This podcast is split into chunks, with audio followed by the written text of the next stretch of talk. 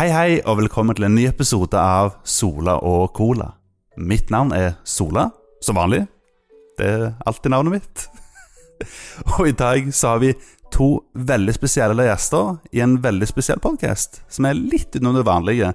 Vanligvis så pleier vi å snakke om, mye om film og spill og sånt, men i dag så skal vi snakke om bøker. Og i dag så har vi disse to gjestene her. Hei, eh, hyggelig. Simen her. Ja, hei, hei, Simen.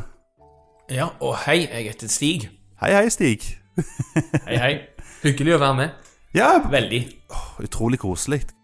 Kanskje dere forteller litt om dere, dere sjøl? Jo, eh, skal jeg begynne? Ja, eh, jeg heter Simen Ingemundsen. Er journaliststudent ved Universitetet i Stavanger. Har starta i 2016, eh, faktisk dagen før 17. mai. Det året Boktimmi. Da hadde jeg vært formidler av litteratur i god stund. Og så har det bare balt på seg med egen krimfestival og, og Blodig alvor i landsbyen, Sølvkniven som vi deler ut. Og, og nå eh, har, vi, har jeg gitt ut min første bok da, sammen med Stig, som er her. Så. Eh, spindelveve heter det. Spindelveve? Ja, det er første okay. bok i en serie. da. Ok, Hvilken type bok er det, da? Det er jo en, en eh, krim eh, av den uh, whodunit-krimmen. altså hvem har gjort det. Eh, Ok, Så det er jo det er første bok i en, eh, i en serie. Stig har jo gitt ut fire eh, bøker før. Det kan jo du snakke om, Stig. Ja, jeg heter Stig Ellingsen. Um, Jeg er lærer og har vært lærer lenge. Um, Min første bok kom ut i 2010, um, så jeg har tiårsjubileum. Oi. Gratulerer. Takk. Takk. Um, og bø- bøker har kommet ut med litt sånn ujevne mellomrom. eh, og den siste boka før 'Spindelvevet', det var i 2014. Um, og det er i grunnen litt sånn artig historie bak dette samarbeidsprosjektet Spindelvevet med Simen Ingemundsen, fordi at jeg kjenner Simen fra han var liten og vokste opp i nabohuset. Oi. Og Simen har hatt veldig mange interesser eh, og veksla opp gjennom år, og nå i de siste årene har det bare vært bøker, bøker og bøker. Ja. Litt børst òg, men, men mye bøker. Ja, det er jo noe med litteraturen som jeg brenner for, da. ja. Og eh, når jeg begynte, da Det var faktisk Jørgen Jæger som anbefalte meg å, å starte med en eh, bokblogg, da. Eh, og eh, han sa sånn Du leser så mye, hvorfor ikke starte å formidle litteratur på en litt høyere plan enn å, å, å skrive eh, lapper på biblioteket der, der du bor, sant, på bøker du leste, og, og stikke innom av og til i, i lokalaviser. Så det ble, har blitt 16 000 bøker. Jeg har vel eid 24 000 opp gjennom året. Hæ? 16 000 bøker! Ja, det, det, det er nokså sprøtt. Og jeg syns jo litt synd på mine foreldre, så vi har de hjemme hos seg, da. Oi. Eh, for de ligger jo i kjelleren, da, så de slipper å se dem, men eh, de, de sier ofte det at eh, Ja, du må ikke ta inn mer bøker nå, sier vi. 16 000, er ikke det mer enn et gjennomsnittlig bibliotek har? Jo, altså, jeg må jo legge til det at det 9000 er e-bøker, da, så jeg skal være glad at jeg, jeg ikke hadde, har de 9000 som Ja. eh, fysiske bøker. Det. Ja, det hadde fader meg tatt, tatt seg ut, det. Uff. Nei, så det, og, og det er utrolig kjekt å kunne formidle litteratur gjennom arrangementer og, og sånne ting. Det er utrolig kjekt. Ja. Så i år så skal vi ha Blodig alvor 17. og 18. november. Eh, ja. Og det, da blir det jo Da skal Hanne Kristin Rode være, være sånn eh, festivalforfatter, da. Ja. Og så 20. skal vi jo lansere den nye boka vår, eh, Stig. eh, Det blir spennende. Eh, Og den heter Rotteblod. Rotteblod? Ja, Rotteblod. Ah, ja, ok. Vi holder oss jo i det dyriske eh, hjørnet, da. Første bok, 'Spindelvev', 'Edderkopper'. Nå 'Rotteblod'. Og Stig, du kan jo fortelle litt om den boka. Ja, eh, vi har det veldig morsomt når vi skriver sammen. Eh, og, og eh, det ser fordelen med være to når du skriver det, at eh, vi kan kaste ideer fram og tilbake. Vi, vi kan utvikle et plott, se på det, kritisere eh, og, og sagt, oppmuntre hverandre. Eh, og, og Rotteblod er en spesiell tittel. Eh, og vi prøver å se på det sånn at eh, det er snakk om rotter på to forskjellige plan. Det er de dyriske rottene, eh, og så er det menneskerotter. Ja. Ja, ja, ja. Og, og, og selvfølgelig, vi liker jo Og, og jeg elsker jo titler, rett og slett. Eh, ja er hvem, gjør ikke det? altså det En god tittel. Ja, en god tittel. Ja, ja. Det, det bærer mye. Og, og, når, og når vi da gikk i Altså, vi var jo på et forlag, skamløst forlag, så vi følte oss eh, til tider veldig godt behandla. Det gjorde vi. Men, eh, men eh, så tenkte vi at det, vårt, eh, vårt eh, På en måte vår kjøpsgruppe er jo i Rogaland. Ja. Så derfor så valgte vi å starte eh, eget forlag. Neglebitt forlag. Ok. Eh, det var en som kom bort og sa sånn at det passer jo fint i disse tider etter korona, så er det mange som biter negler. Ja. Så, nei, det er, nok, det er nok ikke det, men takk for, eh, takk for den betydningen òg. Men altså, jeg, altså, vi ser jo for oss et forlag som kan gi ut annet enn krim òg, men at det ligger litt i bakgrunnen at det blir så spennende at du biter negler, Ja, og at ja, du fryser såpass av en historie at du kjenner neglebitt. Det er liksom litt sånn eh, tanker rundt det. Og, og, og, og, andre boka, den var jo den vi skrev først, faktisk. ja. Men den la vi vekk etter avslag. Og nå har vi skrevet den bedre, mye bedre. Og vi, jeg, jeg, vi, er, jo, vi er jo veldig stolte over denne her. Ja. Jeg vil jo faktisk si det sånn at jeg er mer stolt av denne enn spindelvevet, men, eh, men det er jo babyer som, er- som er Og det er vanskelig å si hva bok vi liker best. Ja, ja, selvfølgelig. Men Stig, kan du fortelle litt om handlingen uten å røpe for mye? Ja, jeg skal prøve. Um, både meg og Simen er um, glade i en god historie, eh, og vi syns det er mye kjedelig der ute. Eh, det er mange forskjellige typer sjanger i krim. Um, og der er denne gamle, gode Agatha Christie-sjangeren, hvor, hvor, en eller annen eh, gjerne eldre etterforsker går rundt og tusler og til slutt finner ut hvem som er skyldige. Eh, og det er spennende nok, det, men vi prøver også å fortette handlingen, eh, lage det mer spennende hele veien. Eh, modernisere det, konseptet. Eh, og i, i Rotteblod så prøver vi å kaste synsvinkelen litt fram og tilbake. Eh, og en av de tingene vi legger vekt på, er at det, det skal ikke ha vært skrevet før. Og med Simen sine 16 000 boktitler i hodet, Ja. ja, så er det lett på en måte å si at nei, det kan vi ikke bruke, det har vært brukt før. Og så må vi være kreative og komme opp med noe nytt. Og når, og når jeg eh, Altså, det skal ha seg til det at eh, jeg eh, kom til Stig for to år siden og sa vi skulle skrive sammen, for jeg hadde 24 mordere i skuffa. Ja. Og, og disse 24 morder, mord, morderne, da, de var ikke beskrevet før, rett og slett. Eh, Jeg har lest så mye, aldri vært i nærheten av de historiene som er blant de 24. ja. Så der har du en veldig fordel med at du har, at du har lest så mange bøker. For da kjenner du bokmediet såpass godt at da vet du hva som har blitt gjort og ikke blitt gjort før. Ja, ja, ja. Ja. Og, og nå begynner jo Stig òg å lese mye så som er nytt. Altså, sant? Så vi på en måte eh, fordyper oss i hva som, ikke, hva som er gjort før, da. For Ja, ja, å ja, måte tilfredsstille For det, i den bransjen så er det mange gode forfattere som holder seg til det samme gamle som de alltid har holdt seg. Det er mønsteret med at det, det er en kriminell, han blir tatt ferdig.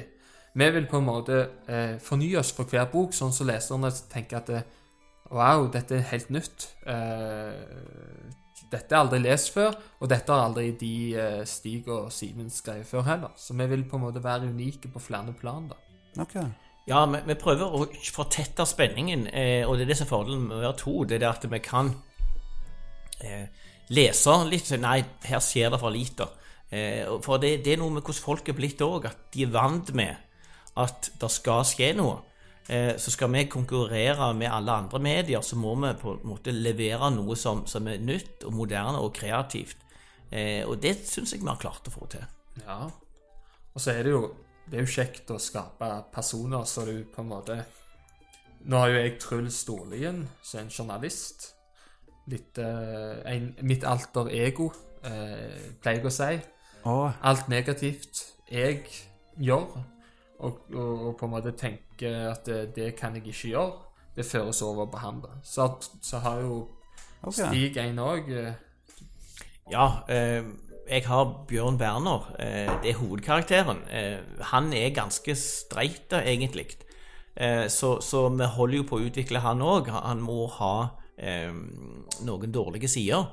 Eh, og de har vi på en måte klart å komme fram til, så nå belyser vi de òg. Så vi prøver også å utvikle karakterene og, og gjøre de eh, mest mulig realistiske.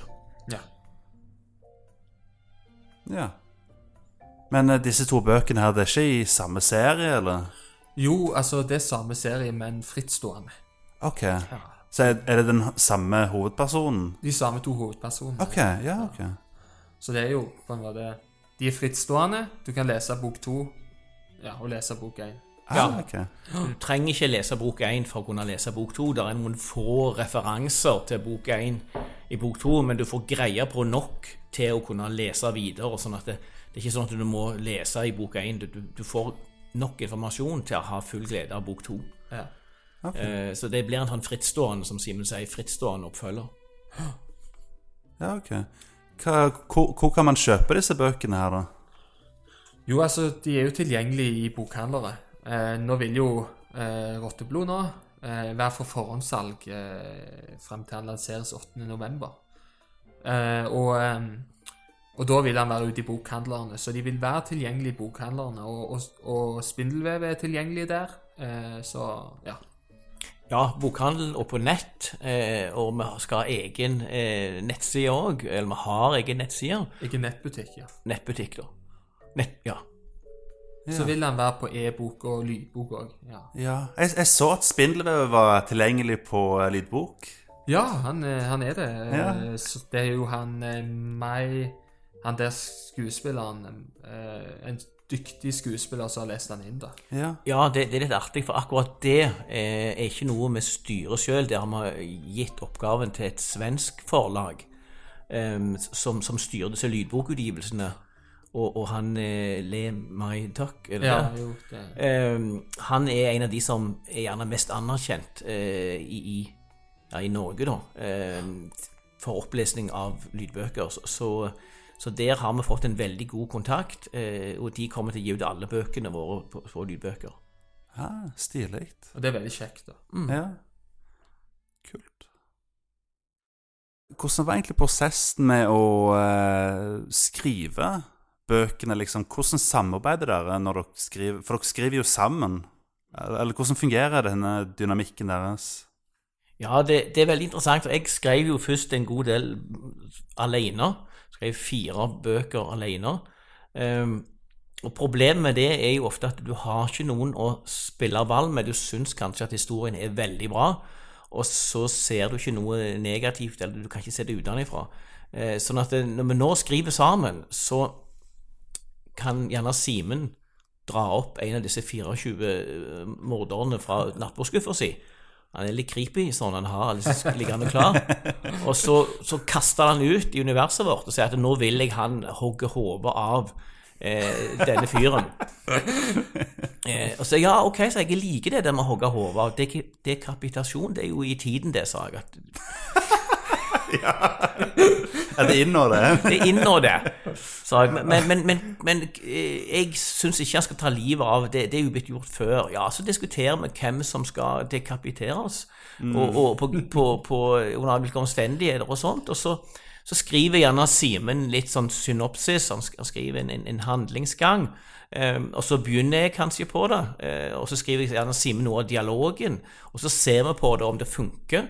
Eh, og så kan det være at vi vi må gjøre det om, men, men det er ja. den en mye morsommere måte å jobbe på enn å sitte alene Ja. og tenke seg alt i hodet. Og vi har jo, vi har jo denne faste tirsdagen vi møtes eh, for å skrive. Eh, okay. Altså, jeg pleier å si til de hjemme at nå stikker jeg og tar livet av noen. «Å, er det Stig som skal gå med døden nå? Nei, nei. Nei, men, men uh, spøkt uh, sides. Altså, det, er jo, det er jo utrolig kjekt å kunne skrive uh, historier så andre skal lese, og når i tillegg de vil lese altså det, Vi hadde jo 500 solgte på fire uker i, i Randaberg, og det vil vi takke samtlige av Randaberg-folk som hører på denne podkasten. ja. Og vi har jo takket i den eh, nye boka nå. Men Det er noe med det når, når bygda støtter opp om. Ja, ja, ja. Eh, ja. Det, det, og, og, og jeg må jo si det at når jeg kom til Stig, så hadde jeg et stort ønske om å skrive, men jeg visste ikke om han kom til å si ja. Eh, og da når han sa ja, vi skal skrive, og ja, vi skal skrive, eh, skrive ut disse morderne, så ble jo jeg kjempeglad. Og vi har hatt det veldig kjekt, og vi har det veldig kjekt. Og jeg, takk, jeg føler ofte jeg er veldig privilegert som får samarbeide med Stig, da. Mm. Ja, sagt, si takk for det, Simen. Eh, Men det er veldig kjekt å jobbe med deg òg, fordi at eh, du har veldig mange ideer. eh, Og du har veldig lett for å komme med forslag. Du har veldig mye kreativt inni deg. Av og til kan det bli for mye at det bobler over. Eh, og vi kan ikke drepe alle heller. Eh, men, Nei, men, det men, men, men det har vært veldig kjekt. Og du må ikke glemme folk i Stavanger, Sandnes og Ja, Sola. Vi har jo vært på. Sola og levert bøker òg. sånn at det, det er kjekt å komme litt tett på leserne. Eh, snakke med dem, eh, høre hva de likte. Eh, høre om de har noen forslag. Altså, det er litt gøy å se at folk der ute eh, kjøper bøkene, leser de, eh, mener noe om de, for det, det er òg veldig inspirerende. Også at de vil ha fortsettelsen. Altså, som, Ja. som jeg har sagt, så, så lenge folk vil ha Randaberg krim, så skal de få det. Det er jo ikke bare Randaberg-folk som stiller opp. Eh, Og vi er jo veldig takknemlige for hver en som leser vårt. Og eh, selvfølgelig, vi er jo, vi er jo veldig vi er jo veldig heldige sånn at vi, vi er en av få som skriver krim. Og derfor så har, har vi skriver vi god Altså, vi merker vi jo vi, Når vi skriver, så vil folk ha mer. Så Mm. ja. Ja, det, det, det, er sagt, det er spennende, syns jeg, å komme i kontakt med leserne og, og høre hva de syns. Um, og få tilbakemeldinger. Og folk er ganske sånn åpenhjertige, og, og, og de melder fra. og Vi hadde jo en veldig fin opplevelse, som jeg må si det om den forrige boka. 'Spindelvevet'. Der var det ei eldre dame, får jeg vel si, som var innom, og, og, og så pekte hun på omslaget og så sa hun at det er jo den gården eh, som tilhører familien min. Ja vel, sa jeg. eh, Det var eh, interessant. Har du gjerne noe med eh, Høie-familien? Ja, jeg er mor til Bent Høie. Ok. Ja, og jeg kjøper denne boka til, til, til sønnen min. Eh, ja vel, så tenkte vi, det var jo veldig hyggelig, det. Ja. Og så gikk det en del uker, og så tar Bent Høie og legger ut eh, et bilde av boka og sier at det er en av de beste bøkene han har lest. Han kjenner seg igjen i miljøet, Oh, wow. han kjenner seg igjen i skildringene. Anbefaler han på det varmeste og legger alt ut på Facebook. Da danste meg og Simen rundt i stua Ja. eh, og feira det med cola. selvfølgelig. ja. Nei, Så men kult. også Bjartbø Tjøstheim har jo òg lest den. Har han det? Ja, Ja. han òg eh, ja. Jeg syns det er en bra historie, og, og det er veldig kjekt når, eh, når Ah, på en måte Det er jo sånn når, Jeg føler på en måte at eh, folk i Rogaland generelt er flinke å støtte, om, støtte opp. Så Ja. ja. ja, så kult. Har dere noen sånn sitat eller noe fra boka dere Sånn famous quotes fra boka dere kan komme med? Jeg vet ikke om det var et litt dumt spørsmål. Nei, Nei, Nei, det- overhodet ikke. Nei, jeg, jeg, jeg husker eh, at, at eh, jeg hadde et, et lite eh, sånn ja, slags eh, sidehistorie hvor, hvor eh, vi snakket om dette var farlig å eh, gjøre avtaler med kriminelle. Eh, og så sier vel han eh, Om det er Bjørn Berner som sier det, at ja, eh, hvis du gjør avtaler med djevelen, så går det lukt til helvete. Ja, den er, den er fin, den. Det Den er litt grei, syns jeg. Den er vi fornøyde med. Og så, eh, for å sette stemning i starten, så, så er det en som heter Thomas, Ja. som plukker opp ei, en flaske. Og uh, dette er nokså i starten. Uh, og ut triller det ut en uh, langefinger avkappa med med Etter andre ledd. Andre ledd ja. Oi.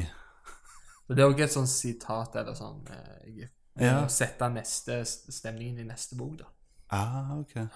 For den er jo Det er jo den er litt, det, det sitatet er jo på boka når den Ja. kommer. Så det Ja, vi, vi, vi liker å være litt ironiske og, og um, gjerne være litt eh, frekke på, på en del områder òg. Og provosere litt. For at det, det, folk skal underholdes. Vi er jo i underholdningsbransjen. Vi er jo det. Mm. Så vi er jo Det er jo altså det er sikkert mange sitater vi kunne plukket frem, men jeg syns den er fin, den der 'det går luk til helvete'. Det. Du gjør avtaler med djevelen, ja, så gjør du gjerne det. Hvordan var det egentlig å um, starte opp et forlag? Er det bare til å gå på nettet og trykke 'opprett nytt forlag', og så har du gjort det, eller er det mer avansert enn det? Hvordan fungerer egentlig det? Nei, det, det er ikke veldig komplisert. Eh, men, men det er klart det at det der, der er et byråkrati rundt dette her. Eh, med på en måte Om du skal registrere deg for innbetaling av moms, eh, regnskap osv. Så, videre, så der, Ja. der er en del som, som følger med det. Og, og eh, det er klart det at det, i mange situasjoner så det å starte opp noe nytt, det er en risiko. Eh, mange nye bedrifter går jo konkurs etter bare et år og to. Det er det Ja, ja, som nesten er, er, er trenden. Eh, meg og Simen har ingen sagt, eh, redsel for det, fordi at eh, vi skal ikke kjøpe inn andre sine produkter og selge dem. Nei. Men vi selger det vi sjøl går rundt med i, mellom ørene. Ja, ja. Og, og, og det er jo mye å sette seg inn i, f.eks. å bestille ISBN, opprette Ja. VIPs, altså mye sånne ting så Ja, for må, må, du ikke, må du ikke finne ut hvilke trykkeri og sånt du skal bruke, og, eller Jo, hvordan fungerer det? Det har vi jo funnet, Ja. funnet et. Eh, Og, og dis distributør, liksom, hvem skal Hvem skal liksom levere levere mm. bøkene til butikker og sånt? det er det oss sjøl Ja. som kommer til å gjøre det. Er det det? Ja. Ja. Ah, ok. I hvert fall det begynner vi med. Ja, det Ja, ja, ja, ja. Så, det, så vi, vi, har, Ja. vi har jo planer om å gjøre det meste sjøl, Ja. sånn som vi slipper så mye utgifter. Sant? Ja, så gjorde vi noe ganske gøy i fjor. Eh, det tror jeg ikke det er mange som har gjort i, i, i Norge. Det var det at vi, når vi la ut boka til forhåndssalg, de som forhåndsbestilte, eh, så sa vi det at levering skulle være inkludert i prisen. Det vi ikke sa, folk trodde jo kanskje at de fikk bok i posten, Ja. Men de fikk oss på besøk. Å ja. Så kult, da. Så, så vi dro rundt eh, i Randaberg, i Stavanger, Sandnes, Sola. Vi var vel i, i, på, på Jæren, Ja, på, på, på, på Kleppe. Eh, Ålgård var Vi var i et ganske stort område med et stabel med bøker. Eh, skrev det folk ville ha i bøkene. Eh, og fortalte litt om oss sjøl, og, og gjorde oss litt kjent på den måten. Det tror bare, Ja. Folk syntes det var litt gøy. De syntes det var kjekt òg å sitte rundt eh, 60 timer før eh, jul og selge bøker til folk som kunne prate med deg. sant? Ja, For, ja, ja. for på Randaberg så er det jo ingen bokhandel. Og da når vi slår til med pop-up-bokhandel eh, der vi står og selger vår Ja, ja. bok Og det har jeg merka òg med blodig alvor, at, eh, at eh, når det er en bokhandel som faktisk står der og selger bøker, der eh, Jørn Lie Horst sitter og signerer rett ved siden av, eller Hans Ola Lahlum sitter og signerer rett ved siden Ja, av, ja, så er det veldig stor som folk må ha boka. Ja. Uh, og det var veldig kjekt å, å møte på så mange og, og, og på en måte tenke at én, to, tre gjennom solgt. Altså, det, Ja, ja, ja, det er kjekt òg. Ja, så, så tror jeg ikke det er blitt gjort før. Jeg tror ikke folk har fått besøk av Jo Nesbø på døra og kan banke på og si 'her er boka jeg har skrevet'. Nei. Nei, det tror ikke jeg heller. Så vi overraska folk der, eh, og vi syns det var veldig hyggelig sjøl òg. I den bransjen her så er det veldig mange rause forfattere.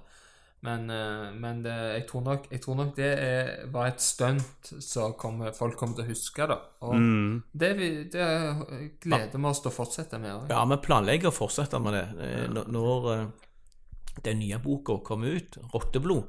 De som forhåndsbestiller, de kommer nok til å få to glade forfattere på døra. Ja, ja, ja.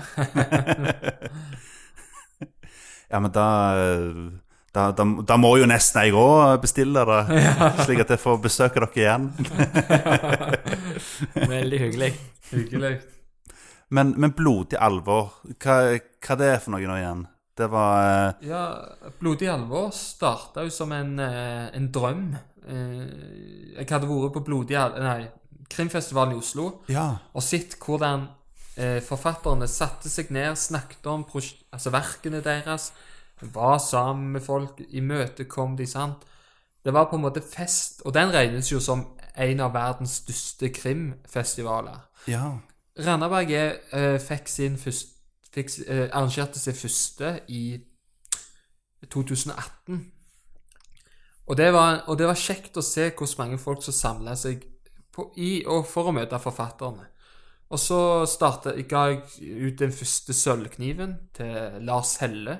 Ingen eh, Ja, sølv, Sølvkniven, det er liksom en, en pris som du en pris, ja. Så er smidd av smed til Kristiansen, han lokale og, og det var din idé, den prisen her, eller? Ja, det var, Ja. altså, det var på en måte en sånn samarbeid mellom meg og han, der, han, okay. der jeg kom med måten jeg ville ha han på, og så utformer han den. Og, og den er jo en av tre krimpriser i landet. Ja. Eh, Riverton og ny Maurits Hansens Nytt blod-pris, da, eh, til debutanter. Men, eh, og, og, og det var utrolig kjekt å kunne arrangeres krimfestival, og i tillegg òg gi ut en kniv. Så Ja. faktisk for at de, den forfatteren som vant den, for der, deres jobb, liksom, i bransjen. Og eh, så hadde vi i fjor hadde vi Horst og Lahlum og og disse store. Og i år skal vi ha Hanne Kristin Rode som festivalforfatter. Eh, og det, det, det starter med en prolog eh, fra festivalforfatteren, og så er det mye drøs og intervjuer. Og så, forfatt, så får folk mulighet til å kjøpe bok etterpå. ja, ok. Så har litt, jeg har litt planer. Nå måtte jo jeg utsette årets festival, for den er jo på våren. Ja. Men ja. Men eh, nå blir han i høst, da, fra og med i år av. Ja, jeg må bare skyte inn en litt sånn morsom eh, sak der. Det er det at eh, Simen, eh, han sikter høyt. Eh, og til åpningen av en av disse krimfestivalene så tenkte han hvorfor ikke gå helt til topps? Donald Trump Nei, nei. Nei, må... ja, det, det er for meg ikke gå helt til topps, det er mer gå til bånn. Nei da, Simen han inviterte liker så godt Hans Majestet Kongen. Oi! Eh, det syns jeg var veldig originalt og veldig tøft. Eh, kongen han eh, vurderte sterkt å komme, han. Eh, problemet var bare da at det, alt sikkerhetsopplegget rundt kongen, eh, med sånne menn i svarte dresser som springer rundt med små mugger i øra og passer på at ingen gjør noe de ikke eh, burde, eh, det ble så dyrt at, at Randaberg kommune måtte si nei, da. Oh. Så det var litt trist. Ja, men, eh, men så noe annet Jeg var ute på eh, skip eh, ute med, med Sandnes med kronprinsesse, og da inviterte jeg hun òg. Det er jo en ukjent historie. Oi. Jeg tenkte hun òg Altså, når kongen ikke kan, hvorfor kan ikke eh, kronprinsessa? Så Ja. det var Ja, nei, jeg, jeg har mange ideer, og, og, og mange eh, Heldigvis mange får jeg mulighet til å gjennomføre. Eh, og jeg har en drøm om at kongen skal komme til Randaberg. For han har ikke opplevd Randaberg ennå, men da kan han like så godt komme til noe blodig, holdt jeg på å si. Ja, det er et jubileum der som kommer snart, er det ikke det? Jo, da er det. Eh, så, og det jubileet, det er i, i eh, startfasen. Eh, men det blir vel det, Da blir Randaberg 100 år òg, så hvor, altså fem år med blodig alvor, 100 år med Randaberg kommune. Altså, det blir, det blir et utrolig bra, bra år, det, da. Mm. Ja. Ja, og med, med Det som er spennende med Randaberg, det er jo det at det, hvis en ser på kartet, så tenker en ok, der har en Stavanger som brer seg ut og brer seg ut og tar seg over til Rennesøy, og det er jo en del av Stavanger og sånt, men så ligger den lille rebellkommunen Randaberg midt inni dette her og gir seg ikke. han holder seg fast. Han Ja. gjør det. Så, så, så det er jo litt gøy med å skrive lokalkrim for Randaberg, for det er en sånn gjenstridig kommune som syns det er smått er godt. Det er sant. Eh, og det, det er litt inspirerende. Det, det, det er veldig mye eh, omtale og, og støtte eh, lokalt. Og det, det er viktig, fordi vi syns vel begge to at, at litteratur er viktig. Ja, det er veldig viktig. Men hvorfor akkurat bøker? Hvorfor er det lidenskapen deres? Ja, Der tror vi nesten har lyst til å svare begge to, da. Eh, men eh, jeg, jeg tror, så kan Simen fylle på, men jeg tror det at bøker eh, det gir en annen opplevelse enn det å se film. Eh, eller for så vidt òg tegneserier. Eh, jeg liker begge deler utenom òg. Jeg er faktisk en av de som abonnerer på Donald Duck ennå, selv om jeg er godt voksen. Ja, såpass. Eh, og jeg har lest eh, og samla på tegneserier eh, og, så videre. Så, så, og musikk liker jeg òg. Og film, selvfølgelig. Men det som er unikt med bøker, det er det at du er mye friere til å danne deg et bilde av hvordan personene ser ut. Eh, og det gjør at du utvikler fantasien. Eh, og, og for meg i hvert fall så gir det en større glede at ikke noen styrer meg, at heltinnen skal se sånn ut. Det kan godt være at det, jeg har lest en god bok, og så gleder jeg meg til å se filmen. Og så har jeg sett for meg hvordan de forskjellige hovedrolleinnehaverne har det, og hvordan de ser ut. Og så kommer gjerne den kvinnelige hovedrolleinnehaveren, og så liker jeg henne ikke i det hele tatt. Og da, da er filmen ødelagt for meg. Da, Ja, ja. da får jeg ikke opplevelse av det. Nei, og det er sant det Stig sier, men òg det Jeg pleier ofte å si at eh, radio er, Nei, reklame er alltid best på radio, for da ser du for deg det som skjer, altså Ja, ja. Nordics Extreme Du ser liksom Du får bilder av de spesielle eh, reklamene. Eh, derfor så syns jeg òg bøker er utrolig viktig. Jeg hadde en, eh, en, en ting jeg sa i VG en gang, at eh, Harry Potter er best på i bok, ikke på film. Ja. Og det fikk jeg jo veldig mye pes for. Eh, For den ble jo sett av mange titalls tusen, denne eh, Snapchat-storyen, da. Ja, ja. Eh, Men, men jeg, jeg mener det, og jeg kommer alltid til å mene det, at eh, bøker Og det sier en som har gått på lesekurs helt fram til 2008. I 13, altså, da jeg var 13, så knekte jeg lesekoden når jeg så Max Manus på kino. Men de viktigste bildene er det du se, leser. Du, du skaper de beste bildene der. Film er ingenting i forhold til bøker. Altså, bøker er det beste mediet. ja. Ja, altså, bare skyte inn en ting der. Jeg er helt enig med Simen. Eh, det som jeg tror er problemet Som sagt så er jeg jo lærer, ikke ikke i barne- og ungdomsskolen, i videregående skole. Eh, og jeg ser det at eh, mange har aldri lest noe, så de, de klarer ikke å komme seg over den trappa eller det gjerdet eller den terskelen hvor de ser handlingen for seg. De leser litt Nei, det er kjedelig, jeg ser heller en film. Men klarer jeg å løfte de over der, så får de en opplevelse. Men mange klarer ikke å komme over den terskelen. Og dermed så blir ordene bare til eh, enkeltbokstaver uten mening. ja. Helt sant. Og det, det syns jeg er trist, både som fordi at jeg er lærer, selvfølgelig. Eh, men, men jeg tenker òg det har noe med rett og slett med framtid å gjøre òg, demokrati og, osv. så videre. Fordi at eh, hvis folk ikke kan lese en lengre tekst og få med seg innholdet, så kan de manipuleres eh, og så videre. Så på en måte ser jeg en fare med Netflix-samfunnet, at eh, folk blir lulla inn i en eh, fantasiverden uten å tenke sjøl. Når du leser, så må du òg tenke sjøl. Sånn som jeg og Simen gjør det, så, så må leseren tenke seg Har han gjort det? Eh, Eller er det hun som står bak? I så tilfelle, hvordan kan jeg finne ut av det? Så vi inviterer til at de engasjerer seg. Ja, vi gjør det. Og det er viktig. Det, er det. Eh, På på en måte vil jeg også skyte inn at jeg har vært en gamer sjøl. Jeg glemmer aldri for lenge siden eh, Det var bare Unreal Tournament som var moderne den gangen. Det er lenge siden. Såpass, ja. Ja. Em, da satt elevene og, og, og, og gama, og vi hadde noen eh, land på skolen og sånt, og så hadde jeg en egen, selvfølgelig, en, en, eh, en, en karakter da, som jeg logga meg på med, og så slo jeg ganske mange av gutta. Jeg lurte på hvem var han der fyren som plutselig logget seg inn og skjøt ned fra fotet. Em, og så når jeg da sa det var meg, så trodde de meg ikke. Så jeg måtte rett og slett vise dem at eh, den gamle læreren deres eh, behersker eh, diverse våpen.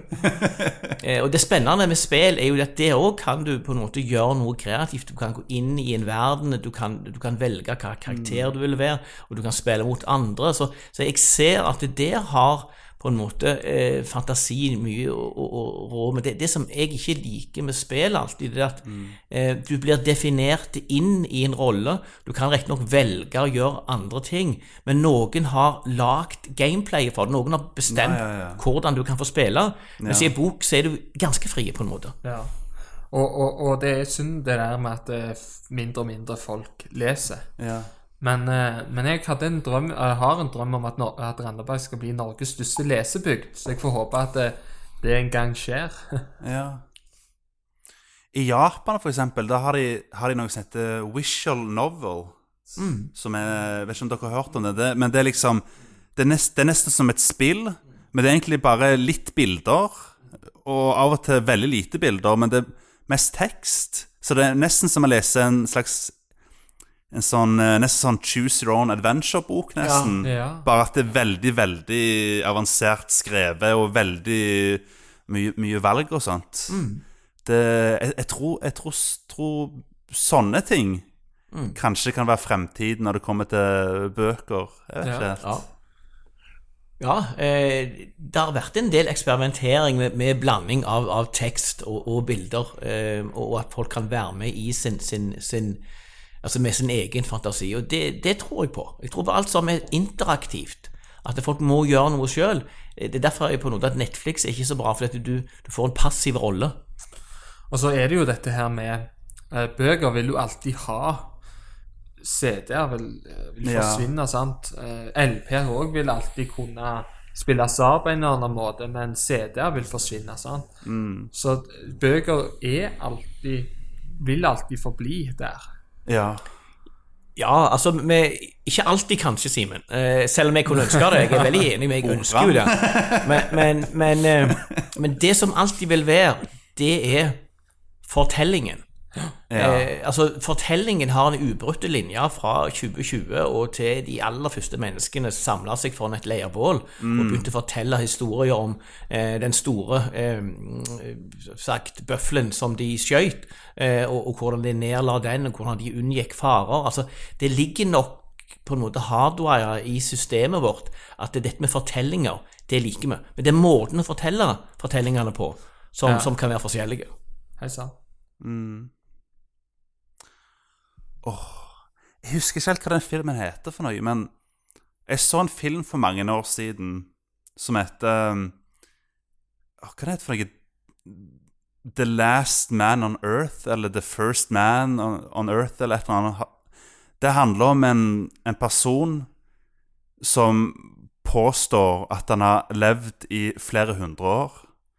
Og hele filmen er bare han som sitter der og forteller denne fantastiske historien til en gruppe mennesker. Hele filmen er kun han som, han som forteller denne historien, og disse folka som lytter til han. Og, og du, får se, liksom, du får se reaksjoner til dem da, og, og denne historien er utrolig spennende.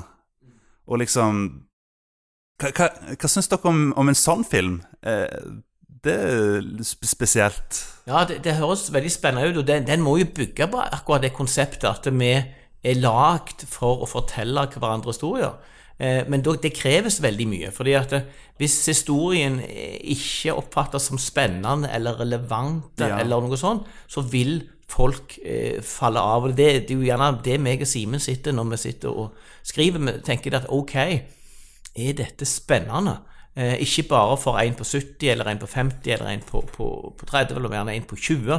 Eh, hvordan kan vi klare å lage historier som appellerer til flest mulig, og som gir dem en opplevelse av, av, å, opp, altså av å oppleve noe viktig? Det er sant. Eh, og, og, og de beste filmene og de beste bøkene, de, de klarer det. Jeg har ikke sett den filmen du, du refererer til, men jeg har lyst til å se den. Men jeg har jo sett Forrest Gump, og der er jo en som sitter og forteller om livet sitt. Ja, det er jo sant, men da får du, da får du jo faktisk se scenene, da. Ja. Så det er jo ikke helt det samme. Nei, det er det Nei. ikke. Men det er jo den fortellingen igjen. Ja, ja, ja. Ja, Forrest Gump er jo en veldig god historie. Der de har juksa litt med den, det er at de, de legger den historien til store historiske eh, begivenheter, eh, og, og på en måte klipper de inn. eh, Sånn at de vinner ekstra oppmerksomhet med det. Men samtidig så oppnår de jo da at en viss relevans, at folk følger med. Eh, For de kjenner igjen eh, hva Nixon sa, og hva de forskjellige presidentene sa. Så, så du, du får en, en, en, en eh, god historie fortalt av en som er annerledes. Og det er jo òg et ganske godt grep. For, for han som forteller historien, for oss, Gump, er jo en som eh, ikke er sånn som andre er. Eh, og det skaper jo en ekstra dimensjon til at han, han, han blir på en måte ikke regna med eh, av andre fordi han er så spesiell, han, er, han, han har en diagnose. Men, men, men filmen skaper et spesielt inntrykk på grunn av det, kanskje. Men jeg, men jeg har jo sett uh, filmer, altså, altså bøker som er filmatisert, som ikke går helt, helt, helt bra. Blant annet uh, Blant annet uh, Verg Veum. Altså, det var jo bra uh, film, da, men, men uh, var, de hadde tatt seg mange friheter. Men eh, Verg Veum er jo best på bok, og sånn er det ofte med bøker. at Det gjør seg best på bok, men Ja. Ja, jeg, jeg er enig med Simen. Altså, jeg er veldig fan av Gunnar Staalesen. Han har veldig eh, fine tanker med bøkene. En ser det at han har en sosiale tanke. Han, han peker på urettferdighet av samfunnet, eh, hva som ikke er bra. Eh, og han, eh, Varg VM har jo vært en sosialarbeider og, og prøver på en måte å rette opp ting som er galt i samfunnet. Men når han da kom til film, eh, og han Espen Seim som, som spiller hovedrollen, når han da snakker kav østlandsk i Bergen, så, så blir ikke det bra. Nei. Nei, det er sant. det. Og vi opplevde jo det at vi fikk Altså, filmen boka vår skulle bli filmatisert av en i Østland, og han ville ta det til en, en annen plass enn en Randaberg, og det syns vi Nei, vet du hva. Det, det er ikke det samme, det. Eh, Sett, sett en bergenser til en bergenser sier Jeg er fra Randaberg! Ja, nei, det, det, det er akkurat det at du, du får et inntrykk av, av noen, og, og jeg, jeg har jo som sagt gitt ut noen bøker før, og et par ganger så fikk jeg et forslag av forlaget at jo, vi liker for så vidt måten du skriver på, vi liker historien, eh, men vi syns det blir for lokalt når det skjer i Stavanger. Eh, kan du ikke legge handlingen til Oslo, eller til liksom, der hvor folk bor? Eh, og det provoserer meg litt. Ja, sant. Og det var jo sånn, eh, sånn liten ting der, da, sånn kjapt. Eh, han Vebjørn Enger ble, måtte jo snakke østlandsk på eh, denne her eh, Askeladden-filmen, og det er jo helt feil, det òg. Ja. Du skal jo snakke, du skal jo snakke ditt språk, du må, skal ikke måtte gjøre om på dialekten. Altså. Sant, det, ja. For å si det sånn, så er vi vel litt sånn lokalpatrioter òg. Eh, de har ikke nødvendigvis alltid rett, de som bor på andre sida av, av fjellet. Det er sant, det. De har ikke det. Jeg fant forresten ut hva den filmen heter for noe, den jeg snakket om i stad. Den heter The Man from Earth, heter den. Og den er fra 2007.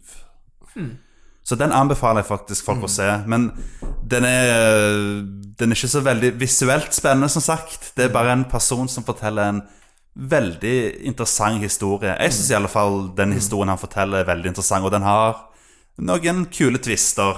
Ja. Tøff, den må jeg si. ja. Vi, vi, vi liker gode fortellinger. Det er vel det vi egentlig liker Ja. best. Gode fortellinger, gode historier. Ja, jeg, jeg tror vel egentlig jeg er ganske lik når det kommer til det. Liksom Altså, jeg må ærlig innrømme at jeg leser veldig lite bøker sjøl. Men jeg leser veldig mye tegneserier.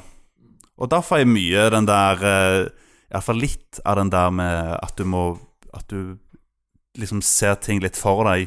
Ikke på, helt på samme måte. Nei. Men for eksempel, jeg leser veldig mye japansk manga. Og det er jo altså japanske tegneserier, da. Og da er det Da er det ikke så veldig detaljert, Nei. måten det er tegna på. Så, og så er det i tillegg så er de svart-hvitt. Så da bruker du fantasien mye mer enn f.eks. de der tegneseriene De amerikanske tegneseriene, vet du, Disney er sånn veldig detaljerte med masse farger og alt det der, så det Ja. Og så er, det- og så er det mye mer dialog da i uh, japansk manga, da. Ja. Kult.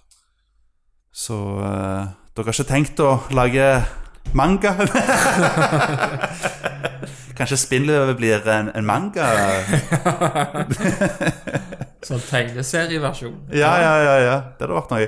Vis, visste du at de um, Jeg husker ikke hva det var for noe, men uh, jo, det var uh, Det var et eller annet sånn kirkesamfunn som fant ut at for sånn litt over ti år siden, nei, jeg tror det er 15 år siden eller noe, så fant de ut at å ja, manga, det er veldig populært.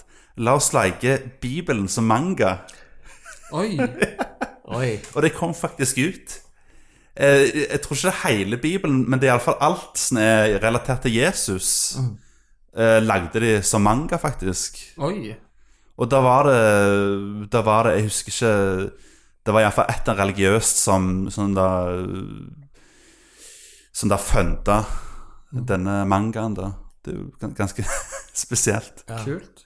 Så det er jo eh, Ja, det, er jeg, som sagt, jeg, jeg liker veldig godt tegneserier. Eh, og jeg har på en måte vært litt eh, lei meg for når jeg går i butikken og ser at det, utvalget av tegneserier i butikk har jo skrumpa Ja. veldig inn. veldig.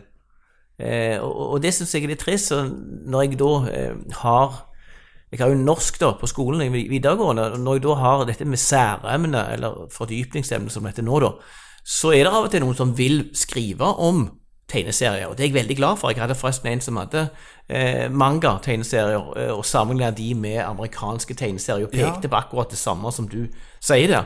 Eh, og, og, og, og, konklusjonen hans var jo da at eh, manga-tegneseriene var bedre kvalitetsmessig sett. Eh, og det var jeg helt enig i, og han fikk en god karakter òg. Eh, men generelt sett så leser folk færre tegneserier òg. Eh, og det bekymrer meg òg, for det, det, det, det er mye bra med tegneserier. Eh, men, men de taper i forhold til nettet, de òg. Ja. Jeg husker jo min eh, farfar. Han eh, Hver når jeg var liten, så henta han meg eh, hjemme hver fredag. Kjørte vi innom Løkkeboden Boden Bruktbu. Ja, ja, Og så ja. kjøpte vi James Bond-tegneserier. Ok. så, så sov jeg hos de, de de helgene da, og så leste vi James Bond-tegneseriene fra Det er vel feil å si perm til perm, men fra, fra fra begynnelse til slutt. Ja, ja, ja. Eh, og, med, og det må jeg jo eh, Altså, min, farf, min far heter jo Svein uh, Ingemundsen, og han eh, Han på en måte Det har jeg veldig godt minne fra, at meg og han eh, stakk og kjøpte tegneserier sammen. For tegneserier har på en måte vært Jeg leste mye tegneserier sjøl. Fikk Donald av min mormor. Eh, og, og, og jeg har alltid likt en god tegneserie. Eh, det må jeg jo ærlig innrømme. Ja, for, jeg, for min del så føler jeg at en tegneserie, det er jo liksom Det er nesten som en bok, bare at det, det er nesten som en billedbok, nesten. Ja, Ja. helt sant. Ja da, eh, og, og det er faktisk sånn at eh, en del eksamensoppgaver i VG3, altså det siste året på videregående skole, eh, så kan elevene få tegneserier. Og det er flere, flere eksempler på det, på at de har fått en- en tegneseriestriper til eksamen. Okay. Så, så som i norsken så prøver vi å opprettholde det, det fokuset at de skal eh, bry seg om, lese tegneserier og, og skjønne tegneserier. For det tegneseriene har jo den unike evnen at de kan formidle eh, ganske mye på ganske eh, liten plass. Eh, og, og, men jeg, jeg merker det som, som lærer igjen, at eh, når jeg ser en tegneserie, så, så leser jeg ansiktsuttrykkene, kroppsspråket og, og så videre, og så blander jeg det inn i den teksten som står, så får jeg en opplevelse. Mens, mens mange ganger så vil elevene ikke være der, de vil bare se på eh, teksten, og dermed får de ikke med seg hele innholdet. Så det er en forflatning på et eller annet vis der, da. Ja. Mm. Jeg er litt sånn Jeg vet ikke hva jeg skal si. Jeg har, jeg har, jeg har alltid slitt litt med lesevansker.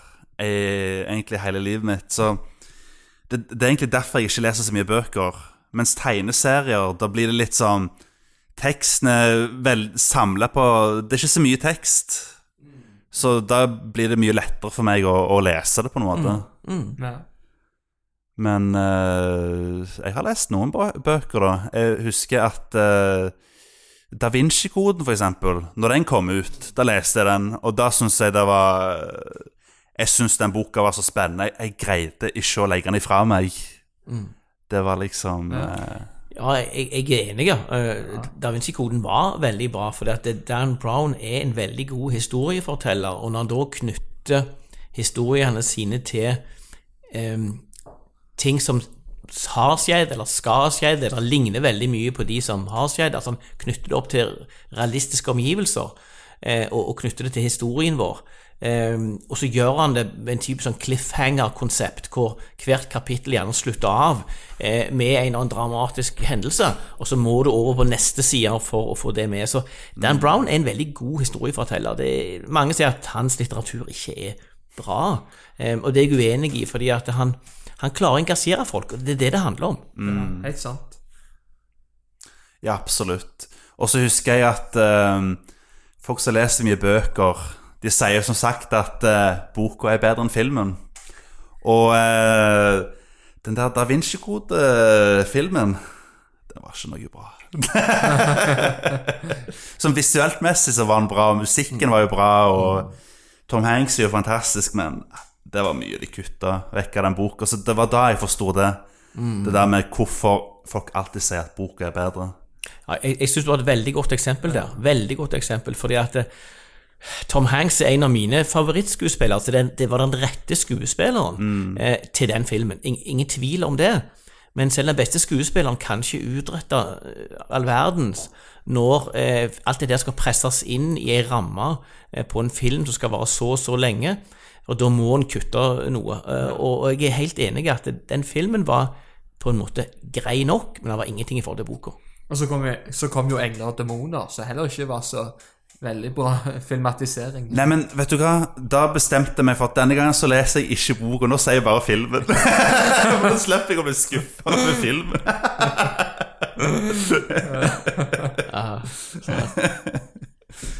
Nei da, men eh, Nei, altså husker jeg for eksempel han eh, Jeg husker at han Det er så lenge siden jeg har lest den, den boka, han også. Han albinoen, hva er han heter for noe? Bjørn Belte. Nei, Nei, nei, i Da Vinci-koden. Da Vinci-koden. Ja, ja, ja, å, ja, sånn, ja. ja. Ja. Og Kan du snakke om en forfatter som er albino? Nei, jeg snakker om en arkeolog som er albino, skrevet av Tom Egeland. Ja, dette Ah, ja, er et ok. annet univers. Simen har 16 000 inni så det er kobla av til ikke helt. Problemet med koblingen der. ja, ja, ja. Nei, han albinoen, ja. eh, Var han, var han skuffende, syns du? Nei, men han var min favorittkarakter i boka, husker Ja, jeg. Jeg syns ja. han var veldig interessant. Var det ikke Silas? Ja, det var det, ja. Ja. Der har du det, vet du. Og så, så husker jeg eh, Så husker jeg i filmen da Så hadde de bare gjort ham til en sånn der liten bikarakter, nesten. Ja. Så jeg, jeg bare What is this? Ja. What did you do with my boy? Ja, men, men, men det er klart at det, det, som, det som er bra i boka til Brown, det, det er Silas, eh, ikke beltet. Silas er eh, en virkelig overbevisende fyr. Han, han, eh, han pisker seg sjøl til blods. Han, han, han nærmest torturerer seg sjøl for, mm. for på en måte å, å, å styrke eh, eh, kan si, troen på det han gjør. Han er en, en veldig sånn sterk karakter, og det, det er viktig i en roman hvor du skal oppleve spenning, at òg eh, the bad guy er liksom Han er en overbevisende karakter. Han må ikke bare være en, en, en, en, noe som blir stuet vekk i en krok og, og, og sånn. Men det, det er litt typisk amerikansk det at de er så veldig eh, gjerne oppsatte på denne Disney eh, story, historien at det, det skal ende bra, og alle de stygge skal dø til slutt. At det blir for mye av det, og da mister du opplevelsen. Ja, absolutt. Og eh, Ja, nei, jeg eh, Tilbake til beltet. Det er jo Altså Jeg må forklare dette. Altså, eh, Dan Brown ble beskyldt for å ha kopiert Tom Egeland. Ja, ja, det, det, det husker jeg. Ja. og, og, og det er grunnen Det er jo en av grunnene til at eh, Dan Brown hadde en albino. Ja, ok. Det samme har han Tom Egeland òg, som heter Bjørn Belte. Og, men i dag så sto han fram og Tom Egeland og takket Dan Brown for suksessen. Ah, så, så det var bare der det kobla inn. Ja, ja, ja, ja. Du blander det med originalen. Ja. Altså, det, det Sivert prøvde å få fram, var vel at Tom Egeland var faktisk tidligere ute. Ja, ja. Altså, Bjørn Belte var allerede en karakter i, i, i universet hans, og så kom Dan Brown. Eh, men, men Dan Brown hadde nok aldri noen intensjon om å, kopiere. Nei, og, og, og jeg kan jo anbefale 'Sirkels ende til dere som hører på. Eh, veldig lik eh, Dan, Da Vinci-koden. Men, men selvfølgelig det er vanskelig å finne en favoritt blant de for meg, da. Siden begge forfatterne er store favoritter. Men det var den der koblingen der, da. Ja. ja. Ja, da, jeg, jeg tror egentlig, i akkurat den sammenligningen der, så tror jeg at Tom Egeland hadde grunn til å takke Dan Brown, for at eh, Dan Brown når jo folk over hele verden på en helt annen måte, og dermed kom gjerne interessen for Tom Egeland sin, eh, sin si, univers fram òg, da. Ja. Eh, Så av og til, hvis du er uheldig Jeg hadde jo en, en, en både heldig og uheldig sak sjøl. Jeg kalte boka som jeg ga ut i 2012, for Inferno. Eh, og Dan Brown brukte òg det, men det var et halvt år etterpå, så jeg var først ute med Inferno. Ja, ja, ja. Det er sånn, ofte sånn at eh, Dan Brown er alltid seint ute. Og så Ja. Ja, ja, ja, ja, ja. Men han får, han, får, han får mest credit anyway, så det er jo ja, ja, ja. Ja, for jeg husker jeg spurte deg Du sto og klippte hekken, Stig, og så sa jeg at eh, Du, er det sånn at eh, Dan Brown har kopiert deg òg? ja.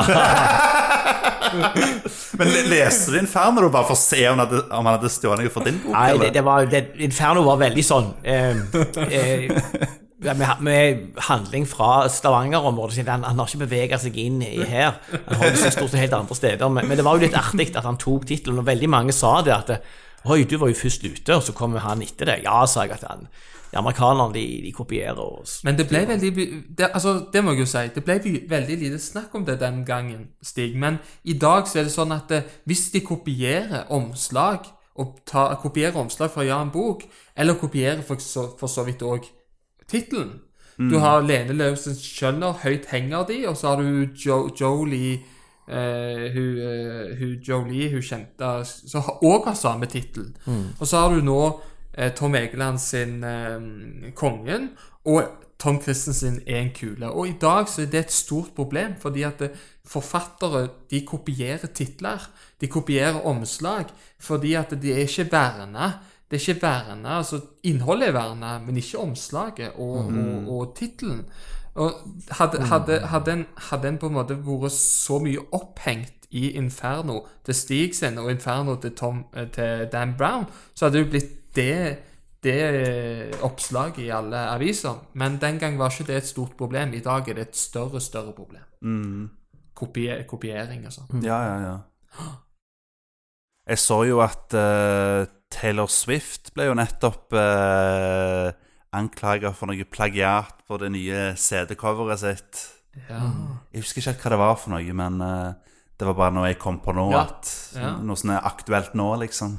Men hun solgte jo 1,7 millioner plater hun på, på første dag hun lanserte den, så Ja. hun har nok til å betale han der Ja, ja, ja. ja. plagier, han hun plagier, plagierte. Absolutt. Det- Skal ikke være noe problem, det. Men uh, har dere en sånn favorittbok? Er, det en bok som dere bare Som alltid har vært med dere, som du kanskje har lest flere ganger? Uh, ja. ja. Jeg, jeg, ja, altså Jeg likte veldig godt eh, krimbøkene til Jo Nesbø. Eh, jeg liker ikke så godt de siste han har skrevet, faktisk. Eh, og ikke de aller første, men, men eh, Rødstrupe eh, syns jeg var veldig god. 'Snømannen' var òg veldig god. Det var flere bøker der som jeg syns var veldig gode, fordi at eh, de hadde en veldig god historie i bånn. Eh, de var veldig godt fortalt, eller skrevet, da. Det var Nesbø et veldig godt språk. Eh, og så var de sånn passe dystopiske. De var ikke sånn som de gjerne de siste, at det alt er bare mørkt og grått. Men, men det var noe sånn, sånn skittenrealistisk eh, med de som, som gjorde at de Jeg likte veldig godt å lese. Jeg syns det var veldig gode historier. Det er gjerne min favoritt av norske forfattere, i hvert fall. Og jeg òg har jo favoritt Jeg må jo først og Jeg har tre favoritter som jeg alltid pleier å ta fram.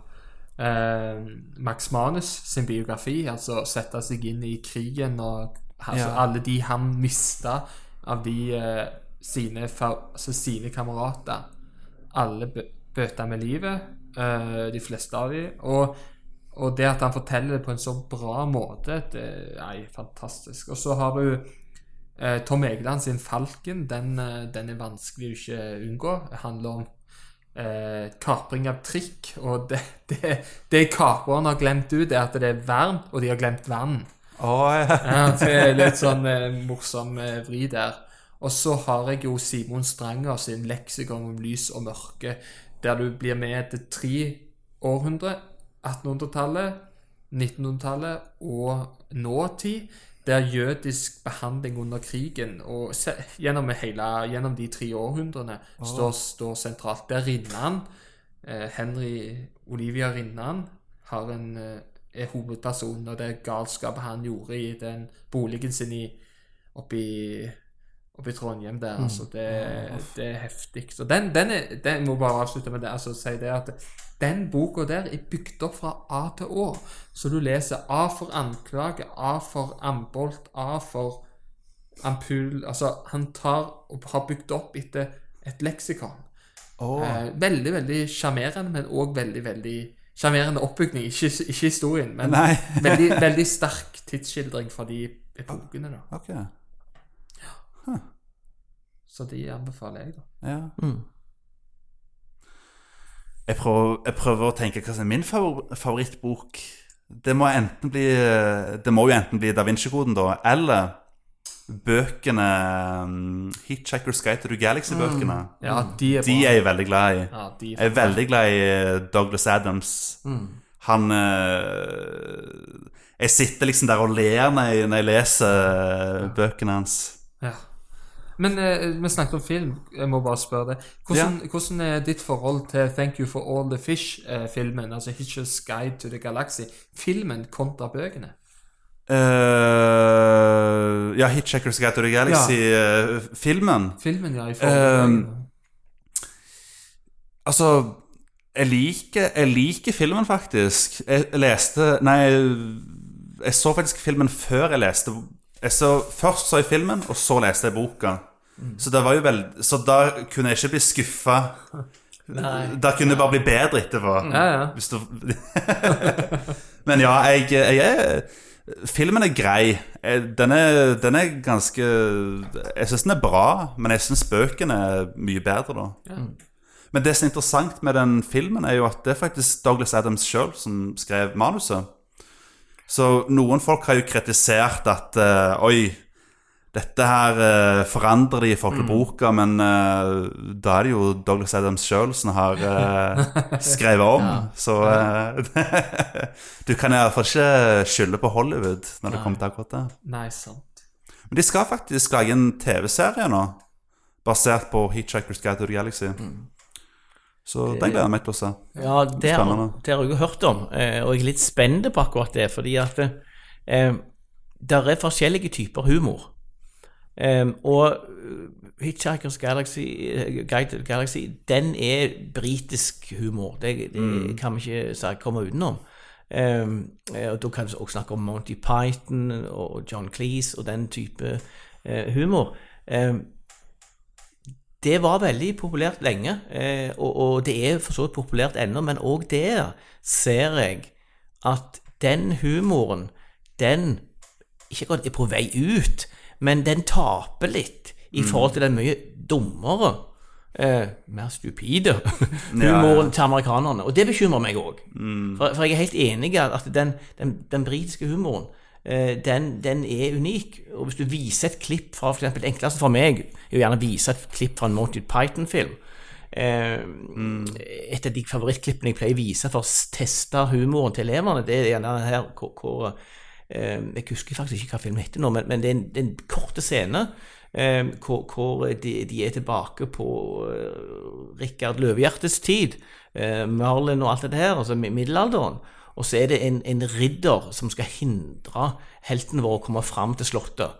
Eh, og, og- så møter de han, eh, og han sier dere får ikke lov å komme forbi her. Eh, og så sier de ja, men vi vil forbi. Eh, og så slåss de, og så kapper de av han først den ene armen, den andre armen, eh, den ene foten, den andre foten.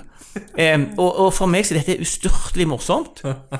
Eh, og når, men når jeg da ser på eleverne, så er det bare halvparten som ler, og det antallet minker hele veien. Og det bekymrer meg. Ja, det, Ja, de, de, ser, de ser, ikke vant til så mye, som, til så mye britisk humor. Nei. Nei. Det kan nok ha Nei, jeg, jeg, jeg er helt enig. De, de er ikke vant med det, og dermed tar det en stund. Så etter en stund så kan du få dem med på lag, og så ler de. Um, men, men det er veldig synd, for det, det er noe sånn galgenhumoristisk med britisk humor som, som er veldig bra. ja. Den er litt dypere, den humoren, Ja, ja, enn ja. den amerikanske. Derfor er Derfor jeg den amerikanske er dum. Altså, Du trenger ikke være dum for å lære en amerikansk film. Jeg av mange amerikanske filmer, men, men det er ofte humor på et annet nivå. ja, ja, ja. ja, ja. Og du, jeg så på deg at du husker den scenen, du òg. ja, ja, ja, ja. oh, Jeg kom på Jeg vet ikke om dere har sett den, men har, har dere sett en eh, En, eh, en britisk komedieserie som heter The IT Crowd? Nei. Nei? Ja, ok.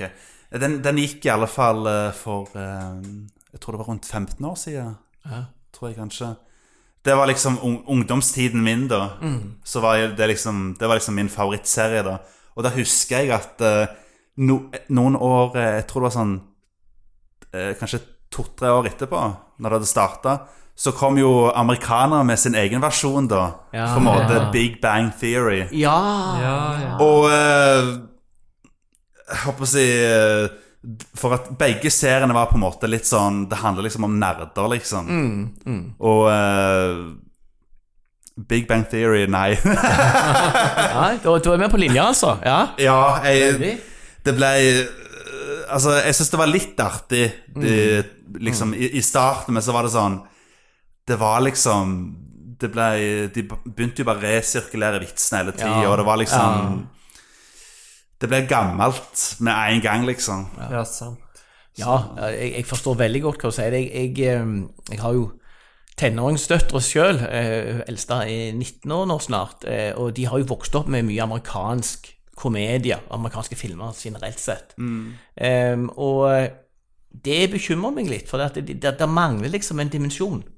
Ja. Eh, Der gjør det. altså det, Ofte er det oppgull fra gjerne en engelsk serie eller, fra, fra eh, en, en original serie, og så kommer amerikanerne med noe, og det er som regel ikke så bra.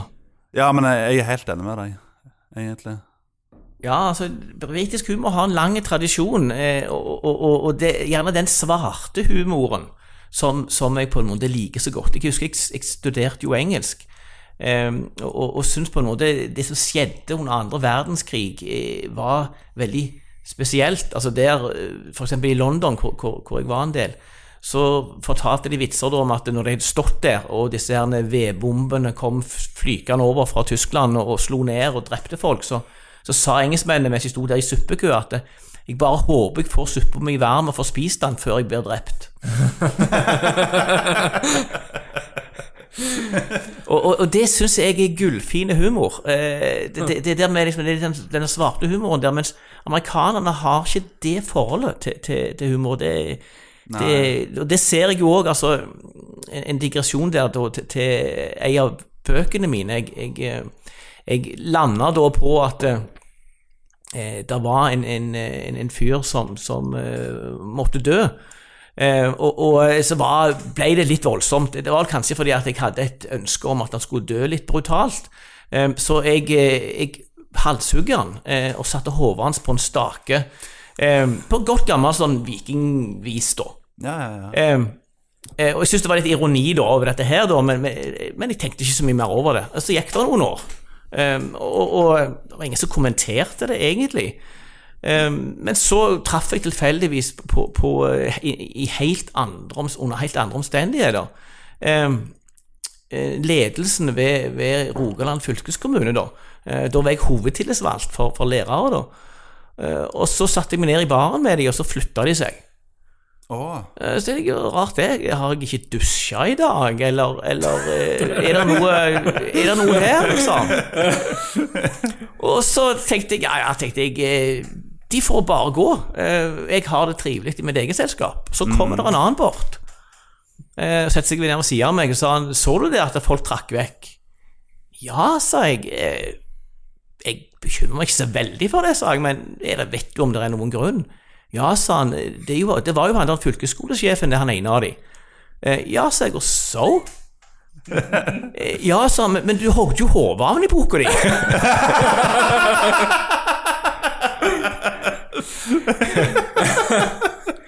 Og så sa jeg i, So? sa jeg, det var jo i bok. Det, det, det, det var jo bare eh, fiksjon.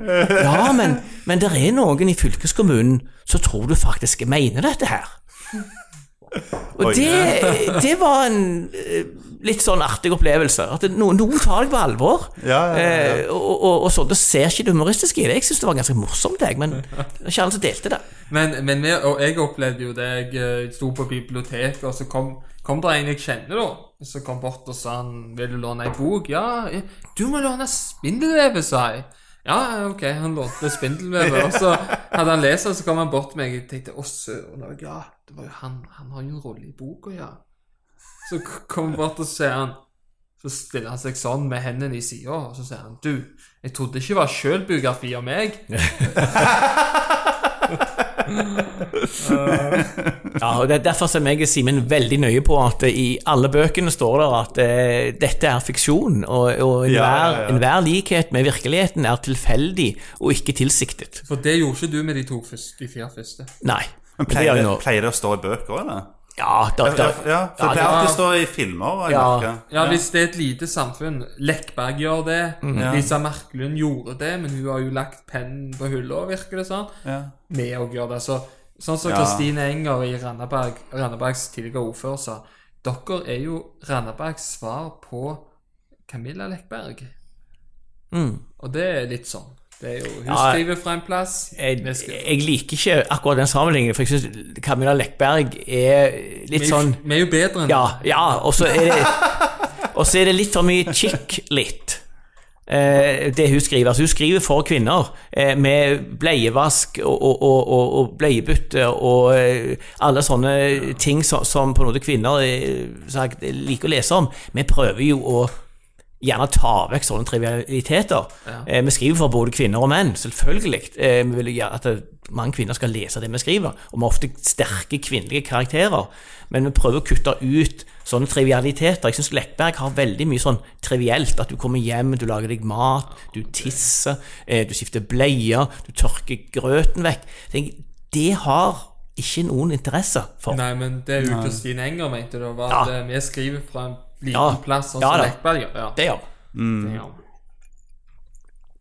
Eh, men til det du sier, Simen, om, eh, om på en måte at det med, med, dette er fiksjon og ingen eh, Altså, vi tilsikter ikke at noen skal kjenne seg igjen. Men det er klart det at eh, når vi skriver, så er vi jo påvirka av de de opplevelsene våre med òg. Så det er opplagt at noen ganger så kan det ligne på noen som vi kjenner eller vet hvem er. Ja, ja, ja. Eh, men, men eh, vi passer alltid på at det ikke skal være sånn at noen føler seg uthengt. Det gjør vi jo. Det er sant. Det er helt sant, og det gjør vi for å sikre oss.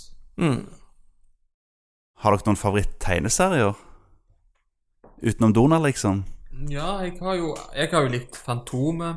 Ok. eh, James Bond og Helgen. Det er liksom mine tre favoritter. Ja, ok. Og Donald da inkludert, da, men vi skulle ikke tenke, snakke om Donald. Nei, Så du har ikke lest eksempel Watchmen, for eksempel? Nei. Nei. Da Det, det er jo noe du burde gjøre. Ja, Det er jo det, er jo det amerikanerne mener liksom er den beste, beste tegneserien som er lagd. så spennende, ja. Mm. Og sjekke jo det. Ja. Ja. Ja, jeg har vel òg eh, lest andre tegneserier enn Donald.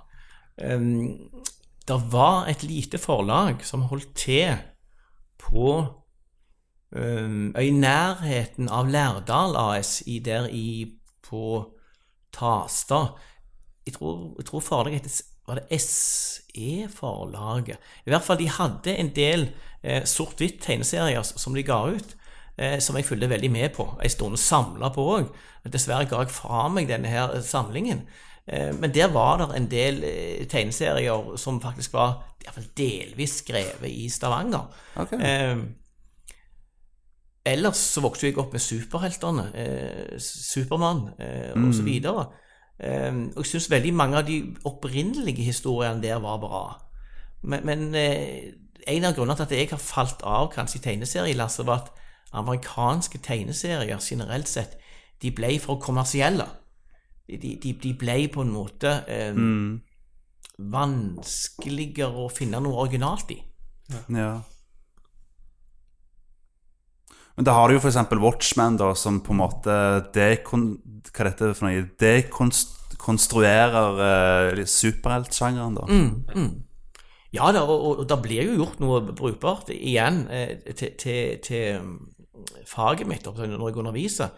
Jeg hadde en fantastisk eh, presentasjon av et særemne som nå heter fordypningsemne, om eh, denne her klovnefiguren, eh, The, The Joker, altså jokeren. Eh, der er det jo lagd en film eh, nå nylig Eh, og det er òg tegneserier. Og, og det han klarte på en veldig god måte, var å vise at denne jokeren, som vel egentlig eh, var eh, antihelten i en eh, lynvingeserie, var det det? Var det lynvinge, jeg du det var det. Ja. Eh, egentlig var en karakter for seg sjøl, og så pekte han på hvordan han, han, denne figuren hadde utvikla seg fra å være eh, en slags galning bare for å selge eh, og underholde, til at det var en eh, som hadde opplevd mye trist i livet, at det var en, en, en grunn til at han var sånn. Eh, for det at det, det han klarte å vise, da, at det var en, en bakgrunn, en troverdig bakgrunn til at han var en skurk. Eh, og det er det kanskje som jeg har savna i mye av det amerikanske universet. At det, eh, noen er bad guys. De bare er det. De er onde. De er født onde. De forblir onde til de dør. Ferdig med det. Eh, og det blir veldig sånn eh, tomt. Eh, og superheltene de er selvfølgelig bare gode og gjør bare gode ting. Eh, og da, da blir det urealistisk og, og, tomt og flatt for meg. Eh, men han klarte å vise det at en del nyere tegneserieskapere klarer å vise en, en, en bedre eh, og mer fullstendige eh, kan man si, be, beskrivelse av et menneske. Det er jo noe jeg og Simen òg jobber med når, når, vi, når vi utvikler karakterene. At jeg sier OK, Simen, hvorfor gjør han dette? her? Hva er grunnen til at han må drepe, halshugge eh, og sånt? Han må jo ha en grunn til det. Ja, ja. Eh, vi må- vi må han kan ikke bare være gal.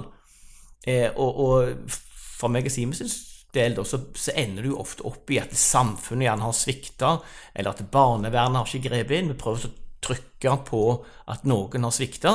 Eh, sånn det, det, blir, det, det er ikke moralistisk, men, men det blir iallfall at vi, vi prøver å vise at det er en mening i det.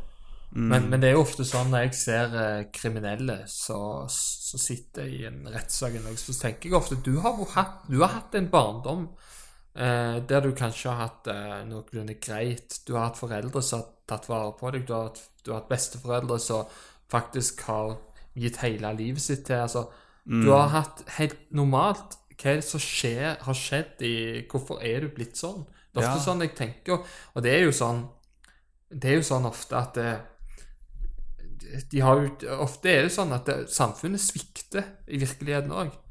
Eh, og det prøver vi å få fram eh, i bøkene våre. Det, og Derfor så prøver vi å få det mest mulig realistisk. At det, en morder blir sånn fordi at eh, han kanskje ble mobba når han var liten. Eh, han ble sånn fordi at eh, han ikke fikk den beste behandlingen hjemme. sant? Ja.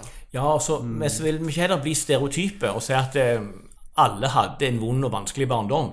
Det, blir- det blir òg for enkelt. Det blir det, ja. Eh, sånn at hvis du, du tenker på det svære ranet som, som vi hadde i Stavanger i 2004, Ja. Nokas, så var en av eh, de som virkelig sto bak, det var hjernen bak, det var en David Toska. Og han var jo ingen tosk. Eh, han var jo en virkelig eh, smart fyr. Ja. Foreldrene var fra Jeg tror mora var lege eller muligens advokat. Faren var òg en med veldig god utdannelse. De tjente godt med penger. De bodde på et fint, eh, et fint hus, et fint strøk. To- Toska hadde ikke mangla noen ting i barndommen. Ehm, og, og det var vanskelig å finne ut hvorfor ble han en sånn en kriminell mastermind. Eh, og, og, og, for Det er jo eksempler på det òg, at det, folk blir kriminelle uten noen sånn påviselig grunn. Og Det er jo også spennende for krimforfattere. Hva var det som trigga det? Eh, det nærmeste jeg har kommet i hans tilfelle, er jo det at det, han kjeda seg. Altså, hverdagslivet ble for kjedelig. Det var for lite spennende å gå på jobb og gå hjem igjen og repeat, repeat. Han måtte gjøre noe eksepsjonelt, noe spektakulært, og på en måte eh, noe som, som satte eh, adrenalinet i, i, i kok. Så Så det er jo på en måte en slags samfunnskritikk, at kanskje har vi lagd et litt vel kjedelig samfunn. Ja. Jeg ser jo det at som lærer så har jeg jo Ofte er det gutter, av og til jenter, men oftest gutter som ikke klarer å sitte i ro.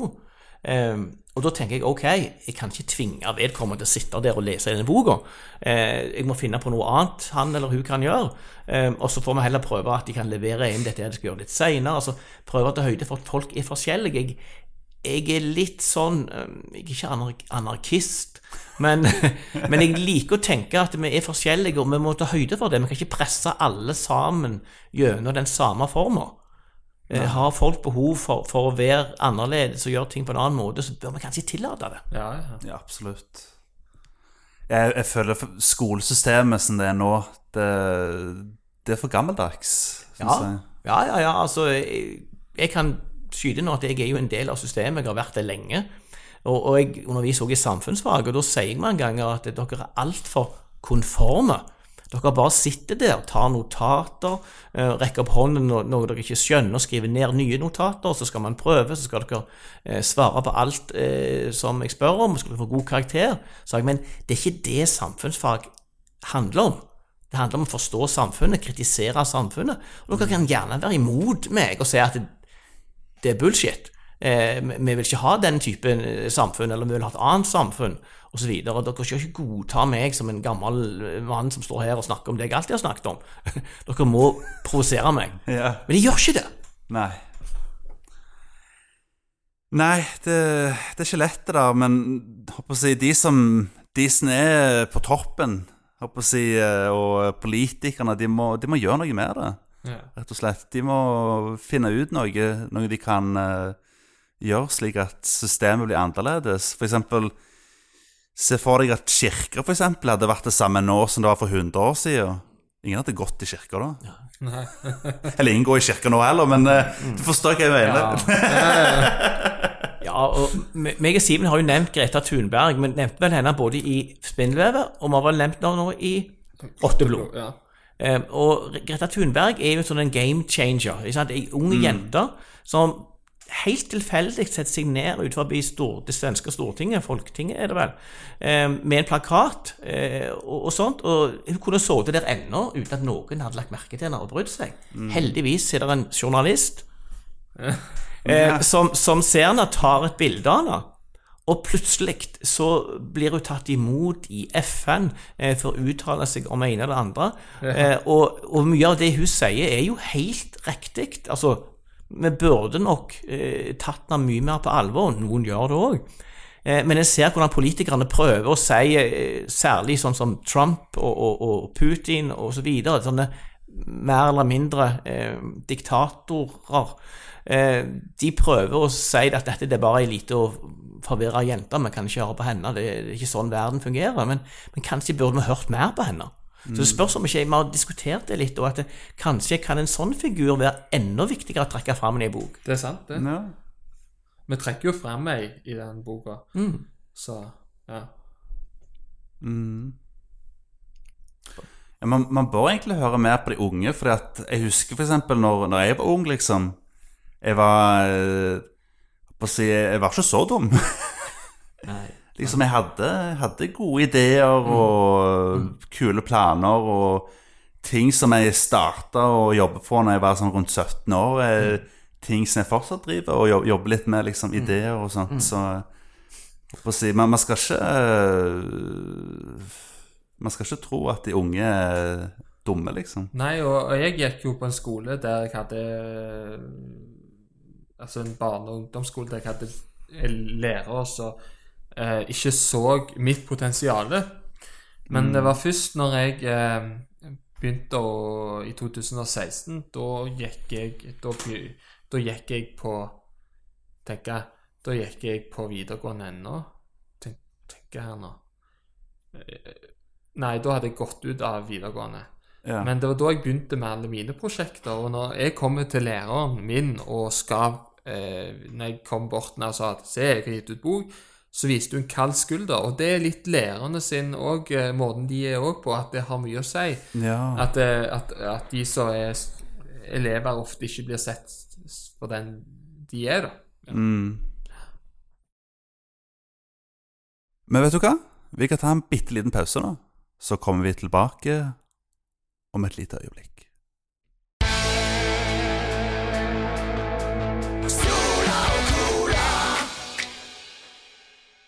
Da er vi tilbake igjen med enda mer podkast.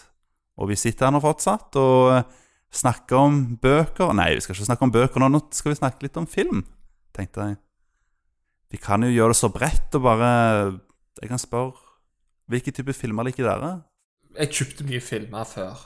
Mm. Jeg tror jeg regnet Jeg går gjennom ofte ofte gjennom mye av det jeg har, og fant ut at jeg hadde en eh, 2000-3000 filmer. Oi, wow. Og 150 Men så slutter 150 komplette serier, da. Men så slutta jeg å kjøpe film, for det er såpass dyrt. Men det er noe jeg samler på uansett, og det er norsk film. Ja. Det er et must om å kjøpe den siste nye norske filmen som kommer på DVD og Blu-ray. Uh, det er noe jeg har Altså, er det noe jeg virkelig er interessert i, så er det norsk film. Eh, Har du en favoritt når det kommer til norsk film? jeg må jo trekke fram Max Manus, som på en måte Ja. ga meg lyst til å lese. Mange som spør meg hvorfor Max Manus, men det var idet de preste aviser. Mm. Det var da jeg begynte å bli interessert og ville, le ville se Nei, det var da jeg begynte å lese. da.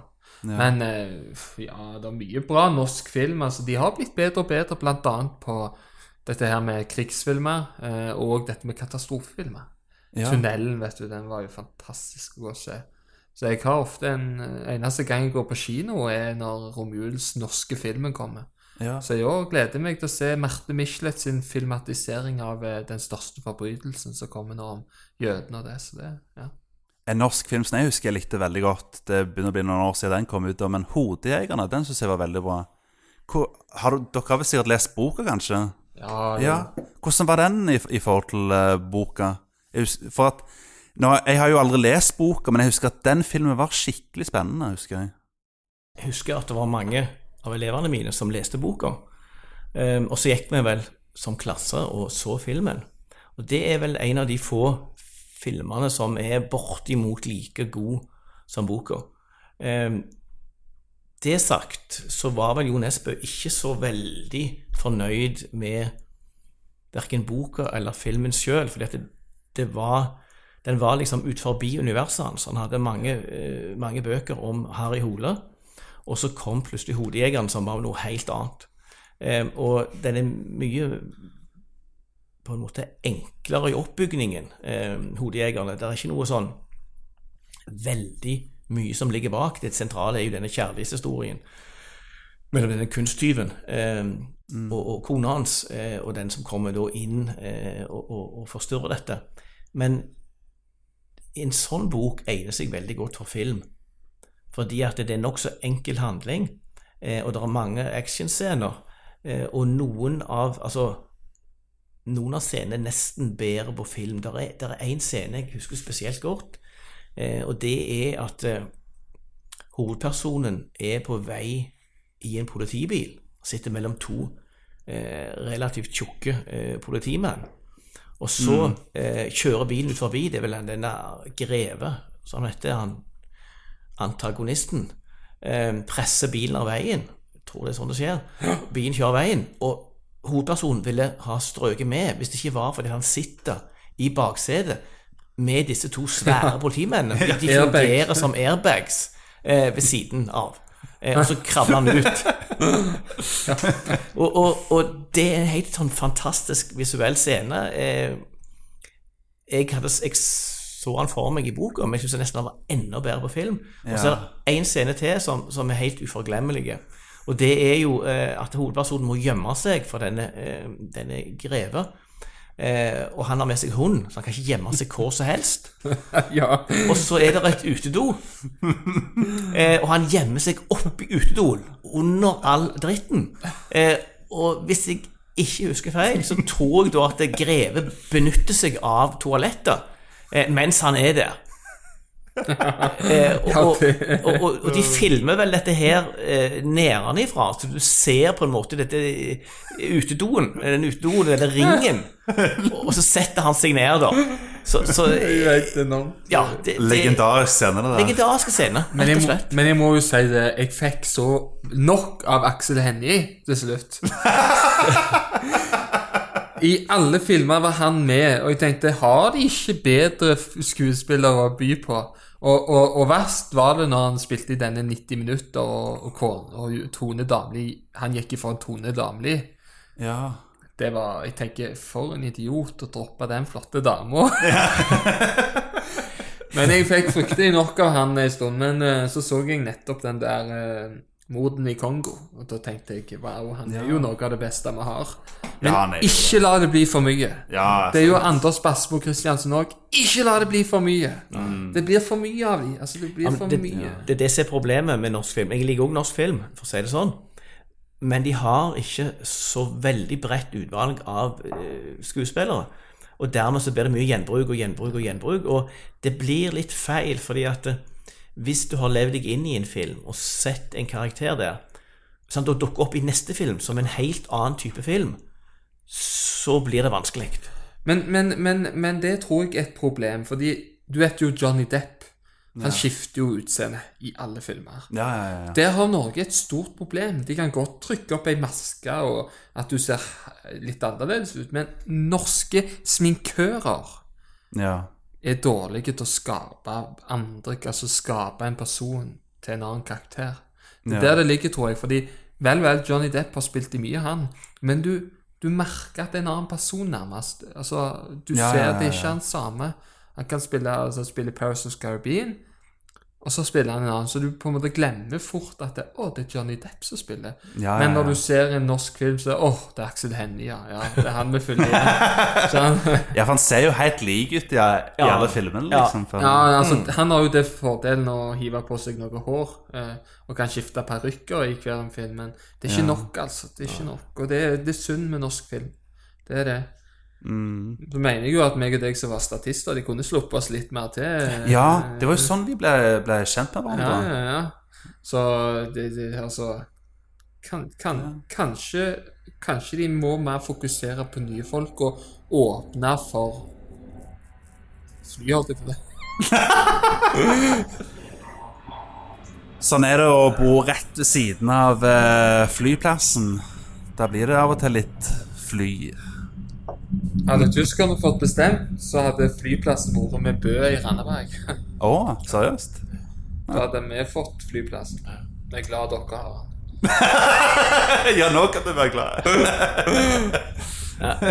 Apropos skuespillere, så ser jeg jo for meg de kunne, de kunne brukt flere fra Stavanger-området. De har jo brukt Kristoffer Joner i en del filmer. Det har de. Ehm, og En stund så brukte han såpass mye at han kanskje begynte å komme på grensen til å bli Ja. brukt for mye, han òg. Eh, men jeg liker han. Eh, og han hadde vært glimrende i en kriminalfilm. Eh. Ja, det det. Fordi det, der er noe Der er noe med mann, mann Vent, har, har han aldri spilt i noe krim før? Som Jo, han har Jo, spilt i en krimfilm. spilt, men, han, men han, han, han er jo Nå spiller han jo i den der nye serien. Den der serien som. Jaget, er det det den heter? Jaget, den Ja. der nye nå. Der spiller han jo. Og selvfølgelig, han er jo bra, men, men over til den der spinnvevet. Jeg drømmer jo om at eh, Jeg har jo en sånn drøm om at jo, nei, han eh, Jonar blir eh, hovedpersonen som sånn Truls Storlien. Ah, ja, ok. For han eh, Truls Storlien har langt, fettet hår, og Ja. eh, det har jo han, eh, han eh, Joner, så Joner hadde Jeg, jeg tror ikke du skal si det til Joner, at eh, du er min favoritt, for du har sånn langt fett hår. Nei, men, eh, men, eh, men han hadde fast, det hadde han. Ja, du måtte, du måtte tatt det på en annen måte. Det, det jeg liker med med Kristoffer Joner, er jo at han har noe Skal jeg klippe det vekk? Nei. Nei, eh, Joner har like langt hår som meg. Ja. Men, men, men, men det er noe med Joner eh, Da mener jeg ikke nødvendigvis med skuespilleren, men med, med personen, som gir et inntrykk av, tror jeg, at han der er noe med han. Altså, han har en måte å oppføre seg på. Og sånn.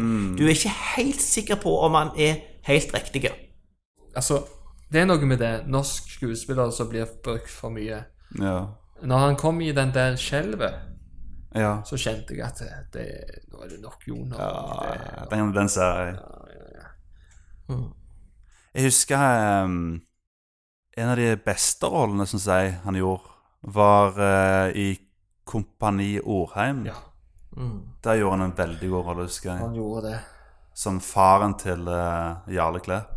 Vår, uh, altså, han uh, Vebjørn Enger gjorde òg en fantastisk figur der, altså. Det, altså, måten han ja, altså måten han spilte ut Jarle og Det var Nei, det var De, de to der, altså. Jeg skulle gjerne likt å sitte Vebjørn Enger og, eh, og han eh, Kristoffer Joner gjøre en ny film sammen. For det var, Ja. det var en duo som virkelig kunne det de, de gjør. altså. Vebjørn kan det han gjør, han altså. Så. Mm. Men eh, Stig, har du noen favorittfilmer? Ja, altså Det, det, det har jeg for så vidt. Men eh, jeg er nokså eh, altetende på, det området. Det er veldig mange forskjellige filmer jeg liker. Eh, så det, det er ikke noen sånn sjanger. Jeg, jeg kan hoppe fra den ene sjangeren til den andre sjangeren. Eh, og det kommer litt an på hva, hva humør jeg er i òg. Sånn at eh, de jeg har samla på, har jo vært eksempel alle James Bond-filmene. Ja, Eh, ja, ja. Ja, og, og, og Har du en favorittbarnefilm? Ja, altså jeg, jeg tenker ikke så mye på filmene, men jeg tenker egentlig på hovedkarakteren der, da. At, at jeg, Ja. jeg er ikke så begeistra for han som har hovedrollen nå. Eh, Jeg syns han blir eh, litt for lite britisk overklasse. Mm. Jeg syns at Roger Moore eh, eller eh, han som var før Eh, George Lazenby. Nei, ikke Sean, Sean Connery. Sean Connery. Ja, ja, ja. Sean Connery, de har Yes. eh, ja, de Born. har James Bourne Ja, de, de har, en, har en måte liksom å være på som er troverdige. For filmene er jo selvfølgelig ikke troverdige, det er jo rene eventyrfilmer, men, men, men de har en måte å spille på som gjør de filmene troverdige. Og så Hvis du ser på de sånn med brillene fra den tid de ble spilt inn med liksom denne kalde krigen, og russerne er the bad guys, osv., så, videre, så så er det mye artig med dem. Så, så de syns jeg ikke er kjekke å ta opp fra tid til annen, og, og, Ja. og sånn, for det, det er god underholdning. Det blir spennende å se om det blir kvinnelige nå. Ja, ja, det er ja, det er Ja, rykter, det. Ja. rykte, ja, ja. Stemmer det. Men det som er kult med, med Bond-filmen, er at det er jo faktisk en filmserie som er veldig annerledes enn bøkene. Ja, Det er sant. Og eh, jeg tror, jeg tror mange vil si at filmene nesten er bedre enn bøkene på, på noen måte. Det var, det var akkurat det Ja. Det var akkurat det jeg tenkte på. At uh, Det er derfor kanskje jeg har falt ned på de filmene.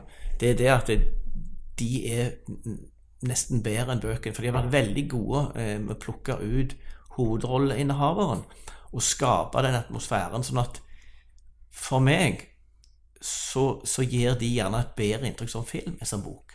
Mm. Ehm, og det er noe av de få som, som, som gjør det. Ehm, ellers har jeg for så vidt kost meg med Harry Potter-filmene òg, selv om Simen ikke syns de er så gode. um, og og H. H.A. Lewis, altså han, han er med, med Narnia, Narnia, ja. eh, Filmene der òg har vært ganske bra lagd, egentlig. Ja, eh, 'Ringenes herre' ehm, Eh, Hobbiten. ja, altså, med, med hele Ringenes herre-trilogien altså, altså Alle de filmene og, og det siste Hobbiten har egentlig vært veldig godt lagt. Noen vil jo si at eh, bøkene er bedre der, og de er det, men, men de er så store der. At du skal Ja. ha, virkelig ha god tid og lang tid og sånn for å fordype deg i dem. Så, så derfor så går jeg fra fantasy egentlig til, til James Bond. Eh, og alt innimellom der òg. Altså, jeg tenker ikke så mye sjanger, jeg tenker bare på enkeltfilmer som, som på en eller annen måte engasjerer. Ja, Mm. ja der, der, er mye, der er mye bra film, film, selvfølgelig. Jeg må jo trekke fram James Bond. Eh, Ja. Har, har, du, har du en favoritt-Bond-film? ja. Eh, Du har det, ja? jeg vokste Altså, første James Bond-film så jeg med min farfar. Jeg bringer han tilbake igjen for han. Og jeg meldte meg faktisk på kvitt eller dobbelt på James Bond, faktisk. Oh. Ja, det gjorde jeg. eh, For jeg ville liksom eh, Jeg hadde en drøm om å, å delta på sånn quiz-spørsmål den gangen. eh, 'Vil du bli millionær?' var et Ja, stort, ja, ja, sant? ja. Og- Men, eh, men eh, jeg har vel 'For Your Eyes Only', kun for dine øyne, som min favoritt. Okay. Både musikken der Det er fordi at jeg elsker Kina Isen sin musikk, da. Ja. Uh, har LP-ene hengende på veggen, men uh, For Your Eyes Only, ja, Roger Moore at Mm. det, er all, altså, det er så kjekt å sette seg ned og se en eh, god, gammeldags uh, Roger Moore-film. Men Moonraker, det er vel den som er verst der, altså. For, altså Det er- det er litt gøy, da. Pistol og ja, meg. Jeg syns det er litt artig. jeg. Altså, er, Det er litt kult, da, men det er jo Det er jo sånn wannabe Star Wars. Ja, det er jo, det er jo akkurat det det Ja, er. wannabe, Det er jo det er liksom Det er ikke vanlig James Bond, for å si det sånn. Nei, det, men ingen er vanlig. Altså, eh, Pierce Brosnan òg hadde jo der bilen forsvant. Altså, Ja, ja, usynlig bilen. hva som skjer? Det, altså, det, det virker så Jeg liker best de der der det er flotte biler Ja. uten alt det der eh, overnaturlige, hvis du kan si det sånn. Det er science fiction-aktig. Altså. absolutt. Det, Du passer på å ikke si flotte damer nå, men du mente det òg, Simen. jo, altså Nei, men ok, skal vi rangere damer? Nei, nei, James nei? Nei, men, men jeg kom på en, en Veldig mange damer rangerer. da. Ja. Jo, jo, men hun som kommer opp med det uh, skjellet, det hun er flott i. Ja. Dr. No, det Og, og det er jo faktisk en morsom eh, fun fact her, og det er jo at i Rotteblod så gjengir vi en scene fra en Bond-film. Ja, ja, det gjør vi. Oh. Fra, ja. Eh, og det er eh, Det er John Connery. Eh, Det er det, ja. Han kommer eh, til USA eh, og eh, blir forsøkt kremert. Så våkner han opp i kista på vei inn i kremasjonsovnen. Begynner å brenne under føttene på han, bokstavelig talt. Ja. Eh, og og eh, ja, på, i filmen da, så, så, så på en måte klarer de å stanse dette, og så kommer seg ut uten stort sett annet enn svidde fotsåler. Men i boka så bruker vi dette på en ganske kreativ Ja, ja. måte. Vi gjør det. Anvender det. Ja. Nei, så det er jo kjekt. Meg og, meg og Jess Bolt, holdt jeg på å si. Me- me- Meg og Stig, vi liker James Bond. Ja, takk for det, Meg og. Stig Bond. Vi liker James Bond. Ja. Nei, men for, for min del så må det være uh, Goldfingers uh, favoritt-Bond-film. Den er fin, den. ja. Ja. Jeg, jeg, jeg tror det Sean Connery er min favoritt. Det tror jeg. Sean Connery er en fantastisk staselig fyr. Er- ja, Og så lever han ennå. Ja. Ja, Det gjør ikke Roger Moore. Nei, stakkar. Det er fred over hans minne. Ja. ja, nei, altså Sean Connery har en måte å være på, en måte å oppføre seg på, så han blir troverdig i en forferdelig lite troverdig rolle, egentlig. Ja. Ja, ja, ja. Nei, det er fantastisk. Ja, og så er det jo den der Den der filmmusikken i bånn, vet du, med den der uh, kjenningsmelodien Ja, og alt det der, liksom. ja. Det er liksom Liksom Det er så bra. Det er noe, det er noe av det beste filmmusikk som er, liksom. Ja. Det er det. Det er jo hva heter han, han komponisten? Han, eh, ja, Broccoli. John eh, Mayer. Nei, Mayer. det Mayer. Ja. John John John, John Mayer? Nei, John Nei. Mayer. John eh, Altså, Broccoli er jo han som står bak. ja, han, de eier jo, Ja, de eier jo er rettigheten. men det er jo ikke, det er jo ikke komponisten av Nei. musikken. Han heter John noe. John. Og John eh, Jeg føler at nå eh, kommer folk til å bli sure på Ja. oss for at vi ikke husker det. ja, ja. Men da kan vi heller snakke om den fantastiske Tommy Timothy Dalton. Han òg er jo favoritt. 'License to Kill' der. Ja, ja, ja, stemmer det. Men der, der er liksom Der er jeg Altså, jeg har alltid hatt lyst til å, å, å drepe, og det kommer jo fram i, i, i bøkene. Altså at det, det skal liksom være mord og sånn, og det, det er liksom sånn eh, Den kommer Den trekkes alltid jeg mot, fordi at det, i, når meg og Stig sitter og plotter et plott, så har jeg lyst til å drepe flere enn Stig, men Stig jekker meg ned, sant? Ja, ja, ja. Det, ja, nei, det, det er jo kjekt, da. At Ja. eh, jeg jekker han opp, han jekker meg ned, sånn som vi møtes på Vi møtes på midten, Ja. John Barry heter han. John, John Barry. Vi hadde jo John, som er Ja, ja, ja, ja. Ikke Mayor.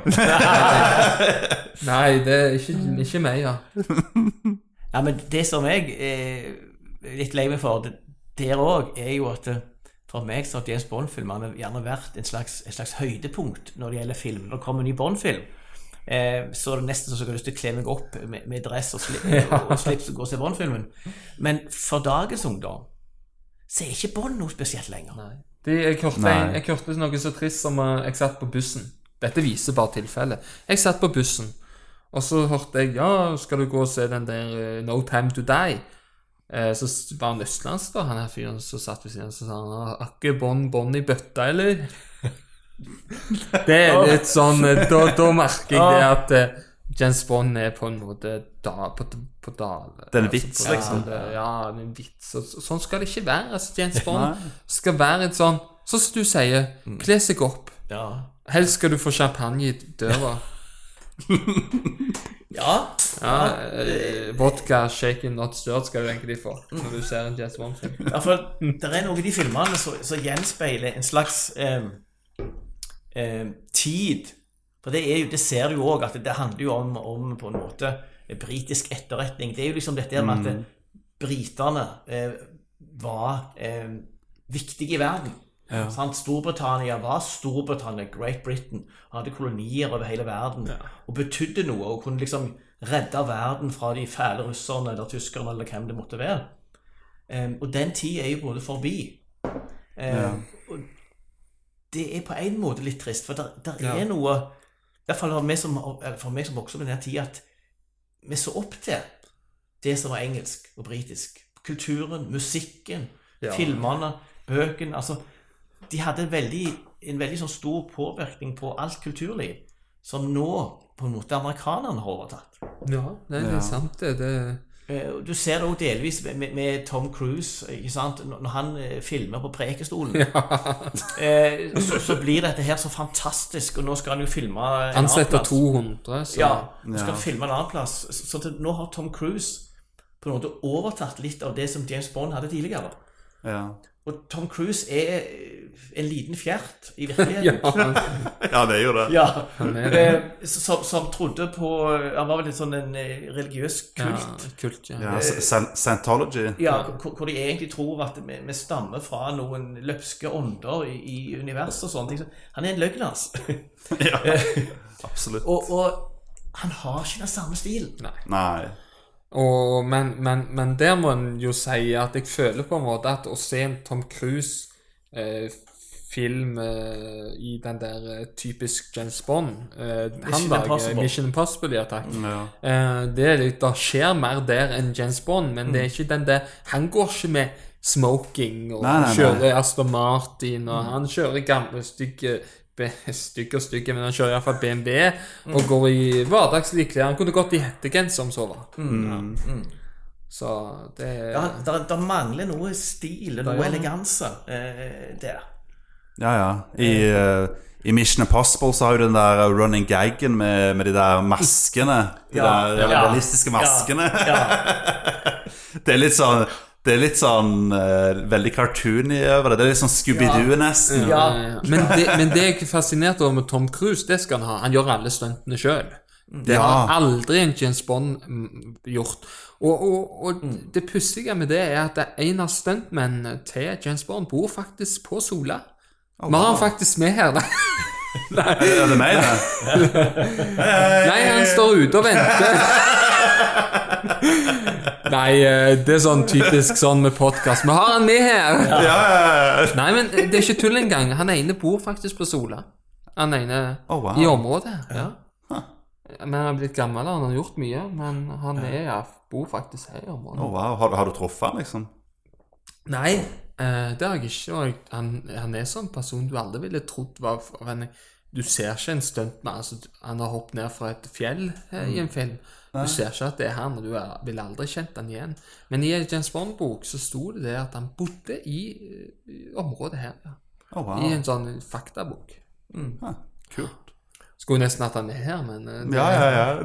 I alle fall nå, når vi snakker om barn og greier. Ja, men det, det, det er viktig å få fram de forskjellene mellom eh, Mission Impossible og James Bond. For det, det er forskjeller, men jeg tror ikke, jeg tror ikke ungdommen i dag ville tenkt på det. Nei, dessverre.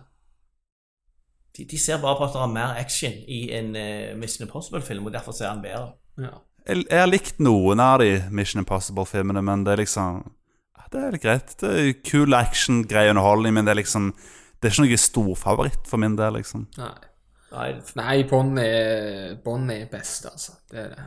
Ja, for det, det, det var ofte et bakteppe av politikk òg i Bond. Ikke sant? Eh, Med med den kalde krigen var det jo en god stund, da. Ja. Eh, og, og sånn, så da, da var det gjerne litt mer poeng i, i, i bakteppet. Og så var det litt mer kultur.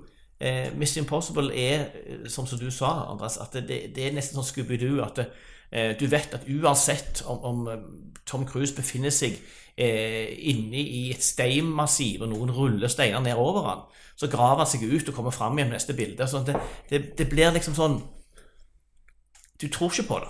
Nei. sant. Nei, det er sant. Det, Jeg tror det er det som gjør det for meg, at jeg, jeg har sett alle. Mission Impossible-filmene. Mm. Og det er god underholdning, men det er bare det altså, det, det forteller ikke en historie som, som jeg husker. Nei, sant. Ikke sant? Altså det, Ja. jeg, jeg kan gjengi mange scener fra gamle James Bond-filmer. Nesten sånn billedlig. Ja, ja. Men Mission Impossible eh, Nei. nei. Eneste scenen jeg husker, er jo den fra Preikestolen, men det er jo fordi at jeg har gått der sjøl. Ja. ja, ja, ja. Men du, du husker liksom ikke hvorfor var han der, liksom? Nei. Sånne ting husker man ikke. Man husker ikke plottet, man husker Nei. bare de store actionscenene Ja. og spetakkelet, liksom. Men det det som jeg syns er synd, da, for å si det, når vi ikke husker, det er det er Jens Bond-sangene nå for tida.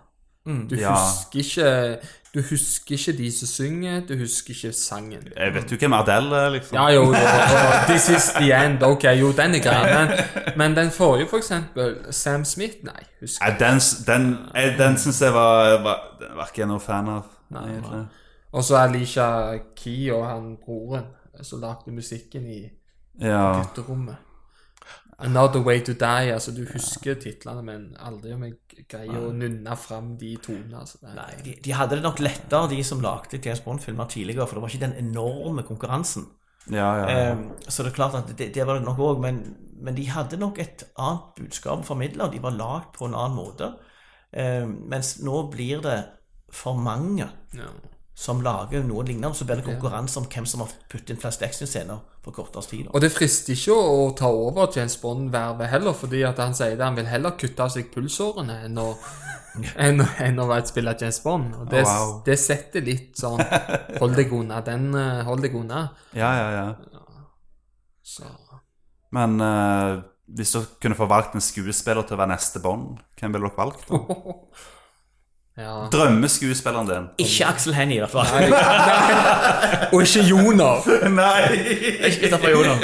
Nei, men det som er så synd Jeg er Bond! Det fins Og også sånn typisk han Joner kan si 'Jeg kommer og redder deg!' Og så begynner han å grine. Nei, Nei men, men, men Jens, det som er synd med James Bond, er at du må være britisk eller australiensk for å spille. Det er mange amerikanske som kunne spilt, Ja. men det må være britisk. Jeg har jo en favoritt, og det er han i Homeland. Han med oransje hår. Ja, ja, han, ja. Han hadde ja, spilt. ja, ja, og så ja, ja. hadde jeg en drøm en gang om at han i Nothing Hill Hjelp meg. Uh, Hugh Grant? Ja, han, Ja. han Ja. kunne spilt, men han er for gammel. Ja. Går snart med rullator i, Ja. i Nothing Hill, holdt jeg på å si. Jeg syns det er så morsomt da at uh, når, når uh, På, på 60-70-tallet, når de fant ut at Sean Connery var for gammel, Ja. da fant de Roger Moore som var enda eldre. Men de hadde en ungdom før den tid, og det var George eh, Licenby. ja. Ja, ja, ja, stemmer det. Han var Men han gadd ikke mer. Nei, nei, nei. Og der er det et lite ikonisk øyeblikk der Julia Ege ja. spiller. Og hun var flott. Leste nettopp biografien hennes. Ingen eh, god terningkast for en biografi å være, men hun var jo, et, hun var jo en flink, eh, flink Flotte. Flott, ja. eh, Det var derfor jeg leste biografien. Ja, ja. klipper du vekk denne? Nei, men Stig, hvem ville du Nå ble jeg litt flau her. Hvem ville du uh, skulle spilt uh... Nei, det, det er et veldig godt spørsmål. Eh, Jeg har ikke et like godt svar. Fordi at eh, mange av de som kunne gjort det, de er der ikke lenger. ikke sant? Altså, de, de, De er gamle nå. For at det, ja. der mangler en Der mangler en med de samme kvalitetene som, som er eh, yngre, og som er troverdige. For James Bond kan ikke være en gammel gubbe. Det, det, det ligger i seg sjøl. Eh, men, men skal han være eh, forholdsvis unge, så må han allikevel ha de der genene til Simon, eh, til Roger Moore og Ja. Sean Connery. Og jeg, jeg kan egentlig ikke tenke meg Og det er òg sikkert et eksempel på at det, det er ikke så mange engelske kvalitetsskuespillere. Vi tenker på skuespillere, tenker på amerikanere. Vi Gjør det. Ja. Mm. Men eh, kvinnelige eh, det vil, Jeg ville aldri sett en Jazz Bond-film med en kvinnelige. Så det, ikke, ikke for å være mannssjåvinistisk, og det er jeg ikke, men Nei. jeg mener at eh, kvinner de passer ikke til Jazz Bond. Altså, det, Nei, altså, det, det, er jo la, det er jo en serie som bygger på, en- på, på en bo, bøker, dette her. Og, og det er klart at det, eh, det er mest troverdig eh, ut ifra det som, som er skrevet, det som er gjort tidligere, at det er en mann. Men jeg, jeg kan rett og slett ikke tenke meg en engelsk skuespiller som, som ville vært eh, ideell for den rollen, altså. Ja. Det sliter jeg med. Nei, jeg kommer heller ikke på noen her og nå, egentlig. Men de hadde en avstemning på VG, husker jeg. Ja. Der jeg, og der jeg liksom trykte på at han i Homeland. Ja, ja, ja. ja. Men det er jo Iben Alba, så han er så Ja. står veldig sterkt. Men han er jo eh, farvet. Men det passer jo fint til en James Bond, syns jeg, da. Altså, ja for, for all, han Ja, han spilte, del. spilte jo Mandela og gjorde en fantastisk rolle der, så Ja, han er jo en utrolig bra skuespiller, faktisk. Vi har jo sammenligna bøker og filmer litt nå. Har dere en, en film dere er veldig glad i, som dere, mener, som dere faktisk mener er bedre enn enn boka? Altså utenom James Bond, da, for det har vi nettopp, nettopp snakket om nå. For eksempel, jeg har hørt mange si at uh, 'Frihetens regn', for eksempel Det er jo, det er jo basert på en, en, en sånn uh, novelle, da. Mm. Men uh, det er jo mange som sier at filmen er bedre. Men det er jo, det er jo kjent for å være en av de beste filmene som er lagd. Ja. Jeg syns jo Alistair McLean sine, sine bø altså filmene ofte bedre enn bøkene til Alistair MacLean. Hvem, hvem det er? Det er en kjent eh, Gammel, gammel action. Eh, Ah, okay. Sånn en eh, forfatter. Eh, Frykt nærmet våpen. Ja, der var det mange filmer som var bedre enn bøkene, syns jeg, da. Ja, jeg, jeg er enig i at, at uh, Alistair MacLean eh, han skrev sånn den tidens eh, actionprega thrillere. Eh, litt sånn internasjonalt miljø. Litt sånn Bondish, kanskje, sånn som James Bond. Eh, men Ja. det var ikke alltid at bøkene var han hadde, han hadde ikke særlig gode personbeskrivelser MacLean. Han hadde ikke det. Eh, det, det var, du, du så for deg helten, og du så for deg eh, sagt, skurken. Men i, i filmene så ble det bedre. Så jeg er enig med Simen, tror jeg. At, at disse filmene der, der var de kanskje bedre. Og det, sånn sett så stemmer jo det vi sa tidligere om Bond òg. Ja. At, at eh, Og jeg tror, jeg tror det er derfor at hvis det er actionprega eh, bøker, så kan gjerne filmatisering bli bedre. ja. Eh, og det samme med Alistair MacLean. Actionprega bøker, så blir de bedre på film. Så jeg, for det er motsatt, så er det Det er veldig vanskelig å se for seg en, en, en god film av eh, ei bok som det ikke skjer så veldig mye i. Altså, Hvis det er veldig mye indre handling og lite ytre handling, så blir filmen nesten aldri god. Ta 'Sofies verden', eksempel, av Jostein Gaarder. Ja. Eh, der er det veldig mye indre handling. Det er på hele boka er bygd som denne jenta skal eh, få et inntrykk av, av, av europeisk eh, kulturhistorie, filosofiens historie osv. Eh, når du skal filme det, så blir ikke det så bra. Og mye går på dette med indre dialog, eller monolog. altså Du, Ja. du, du, du har en som tenker noe. Med en gang du skal filme tanker til en person, så faller det ut. Det blir sånn, det blir det som heter Ja. voice-over. ikke sant? ja, ja. Men, men det- der tror jeg jeg vil si så generelt sett at det er forskjellene. Men han, han, han her eh, så, så lagde en del bøker, eh, amerikanske. Ja, de ble filmatisert. Eh, han var jo veldig Han døde jo nokså nylig, han eh, amerikansk eh, åh, Jeg burde jo visst hvem det var, men han ble gitt ut på Tiden forlag. Han ga ut mange bø eh, bøker, og de ble Hva type bøker? Action. Ok. prøver å tenke igjennom hvem det var. Ja. Men der var, det, der var det sånn at filmene var bedre, fordi at der var jo handlingen Kommer sikkert på det mot slutten av denne podkasten, men der var handlingen sist, Altså, action skjedde på de siste 50 sidene. ja. Resten var bare daukjedelig. ja, ja. Altså, første delen var daukjedelig. Eh, mens, eh, mens filmene, der skjedde det action hele tida. ja okay. Som om det var, ikke var det samme. Så det Ja, altså, men, men da er du enig med meg stort sett at, det- filmer som bygger på bøker som er actionprega, de kan ofte bli bedre enn bøkene. Men hvis det er motsatt, at det er i bok og mye er sånn introspeksjon, som heter på så fint, at liksom, han ser inn i seg sjøl, det klarer du ikke å filme på en god måte. Og dermed så blir boka bedre. Hei. Men hva med bøker som har mye sånn at de ser inn i seg sjøl men de er dårlig skrevet? Så for eksempel Twilight-bøkene. Ja. Da, eh, ja. da skal det veldig lite til for at filmen blir bedre. Det er sant. Men Twilight ble jo en bestselger. Fifty Shades of Grey òg ble en bestselger. Ja. Eh, Hunger Games ble en bestselger. Maze Runner ble Altså, ja. men, men filmene mm, Twilight ble var bedre på film, men jeg syns Hunger Games er mye bedre på bok. Ja. Jeg, har ikke, jeg har ikke lest Hunger Games-bøkene, men jeg har, jo, jeg har jo sett filmene, da. ja. Hva Nei, altså, det er, van- det er vanskelig å, Ja. å skape eh, en sånn en god bok om til en film. Men hva syns du om hvordan de adopterte den siste boka? For da fikk de jo to filmer på å gjøre siste boka. Det, jeg hater når de deler opp. Eh, Du liker det ikke, men da får, du jo, får du jo bedre tid til å adoptere hele boka, da. Ja, men eh, det blir tynnere og tynnere utgjennom. Ja, Altså, ok. Altså du, de, de blir tynnere og tynnere. Altså, jeg følte historien Ja. ble tynn. Altså, de kunne fått komprimert den inn til ei bok. Nei, en film. Ja, ja, ja, selvfølgelig. De kunne det. det er samme med Harry Potter òg, selvfølgelig. Men Ja, ja. det mener jeg, da. ja. Men, men. Det var jo for å tjene mer penger. Ja, det, det, det var jo det. Men jeg, jeg syns de eh, Nå hadde jo ikke jeg lest eh, bøkene, da, men jeg syns nå at, at det fungerte, de eh, to siste, da. Ja. Nå har de jo kommet med en ny bok eh, Ja, før stemmer. den tid, så nå må jeg jo lese 1, 2 og 3 igjen. Ja. er planen. Mm.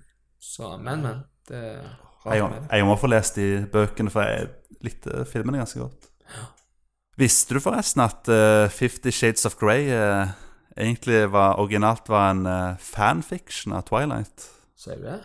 Så eh, det var basically eh, Hun drev og skrev sånn der fanfiction om Twilight og med sånne her BDSM-greier og uh, kinky greier, vet du. Og så fant du ut at vet du hva? Jeg tar og forandrer navnet og gir det ut som en bok. Og så ble det en bestselger, da. Ja, sant. det, er, Det er ganske crazy. Ja, og erotikk er jo, er jo spennende, for så vidt. Ja. Men uh, jeg kjenner det, det er mye erotikk som kunne vært uskreven. Ja. Det, det Enig med deg der. Ja, og Det som er litt greit å si der, da, det var jo det at eh, Fifty Shades of Grey var, det var masse hype. ikke sant? Det var at eh, Ja, ja, ja. bøkene ville bli revet ut av bokhyllene, og folk ville gå mann av huset, og de hadde solgt millioner i USA. Det, det var nærmest sånn du fikk inntrykk av at folk sto klar til å rive bøkene til seg. I Norge ble det ikke helt sånn. Nei, og ikke Kalendergirl heller som kom, og, men de som ble en bestselger, var disse Kagge sine utgivelser, der det handler om hard pornografi i bokform. Åh. Der, der du på omslaget ser ei naken rumpe. eh, Der du på omslaget ser, en, ser noen pupper, men at det, inn, innholdet var verre enn enn forsiden. Ah, ok. Så det var jo Det var jo populært en gang med erotikk, men jeg mener det at eh, Ja. ja, Fifty Shade of Grey er, er bedre i bokformen og oppskrytt der. Ja. Ja, og jeg, jeg er litt stolt av at vi i Norge ikke på noe falt fullstendig for det. Nei. For det, det er klart at eh, den type litteratur er alltid eh, spennende, spesielt gjerne for folk som eh, ikke har hatt så mange opplevelser på det området osv. Så, videre, og så, videre. så det vil alltid være noe som syns sånt er spennende, og det er greit nok. Det er helt, helt flott, det, men jeg syns det hadde vært flaut hvis alle sprang og kjøpte den boka. Ja. Og det gjorde de heldigvis ikke. Men så, jeg husker det var litt kleint, og det, det, det var liksom noen mødre som, som kjøpte de bøkene og begynte å snakke om sånne BDSM-greier og sånne ting. Jeg, var, jeg ble vitne til noe sånn, ikke fra min mor heldigvis, da, men eh, det var litt sånn Da var sånn Å, herregud. Hjelp. Ja, ja. ja Men, det, eh, det, det blir litt Det kan, være litt kleint. Og så er det klart at eh, Det er jo, det er jo husmorporno, rett og slett. ja, det er Det- husmorporno, og, så er det det at det, eh, Mens eksempel mye av kriminallitteraturen er samfunnskritikk Ja. på mange plan, eh, så, så var dette her på en måte litt sånn forherligelse av at eldre, gamle griser utnytter unge jenter.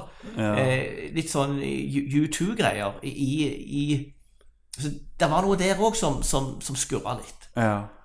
Eh, for- fordi at det, det var pirrende, kanskje, men samtidig så var det Ja. eh, også i, i ly av det som senere kom opp med, med han Weinstein og, og, og, og prins Andrew og alle disse tingene så, Ja. Sånn som det, det, det Ja. går ikke nå. Det går ikke. Nei, når du sier det, så er ikke den helt politisk korrekt lenger, de, de bøkene der, nei. Nei. Altså, det er ikke det, men, men, jeg tror ikke de hadde slått an sånn Nei, nå. ikke nå, for dette metoo eh, og U2 alt det der sagt, altså, Alt dette her har nok gjort noe med eh, Med folks bevissthet òg. For at det, det, det er klart det at eh, Sånn som Weinstein-saken. Når en ser hva som har foregått, og hvem som har vært involvert. Du ser Donald Trump holder rundt han her fyren og sier 'This is a good guy'. um, og, og, og, og prins Andrew liksom har vært med på dette og, og sånn. Det, det blir veldig det blir, Altså, det blir vanskelig å være mann. Og, så jeg, jeg skammer meg litt over at, at liksom dette er voksne mannfolk med mye penger og mye sosial status som, som har sunket så lågt. Ja. Men, men, men bare legg merke til alt erotikk. Hadde det blitt gitt ut for 50 år siden, Ja. så hadde det jo blitt bannlyst. 'Fifty Shade of Grey'. ja, det er sant. Du husker jo den der uten en tråd. eh, Agnar Mykle. var my- Ja, Einar Mykle. Ja, den ble jo bannlyst. Den skal jo ingen kjøpe. Det var jo erotikk. Eh, og litt, litt sånn som Fifty Shade of Grey. Men den fikk ikke lov til å selges over disk. Ja, men, men hvis vi nå slenger inn noe eh, for å holde leserne Nei, unnskyld, lytterne eh, eh, våkne, så, så det er klart at krimsjangeren er òg ganske konvensjonelle. Hvis meg og Simen hadde hatt en eh, transseksuell transseksuell helt, eh, eh, og, og, og, og kanskje at, at det dreide seg om et plott på en sånn. Pride-festival, eh, hvor det var en eller annen transgender-person som gjorde et eller annet Jeg tror ikke det hadde slått an. Nei, det Ja, nei Hvis helten hadde vært eh, en sånn en eh, tredjekjønnsperson Ja. Ja. eh, som av og til føltes som kvinne, sånn som denne Ester Benestad. Ja. Eh, eh, ja Ester. Espen Ester. Espen Ester. ja. Ja. Eh, jeg tror ikke vi kunne presentert sånn krimhelt. Jeg vet ikke. Jeg- jeg jeg- jeg håper si, no, noen kommer sikkert til å være først med det, og så kommer det til å slå skikkelig an. Ja. Det, det er før eller siden. Det, bare, det må bare være rette tidspunktet, Ja. liksom. Det er bare det. Men det, det er litt spennende, akkurat det. Fordi at eh, Sånt diskuterer jo meg og Simen.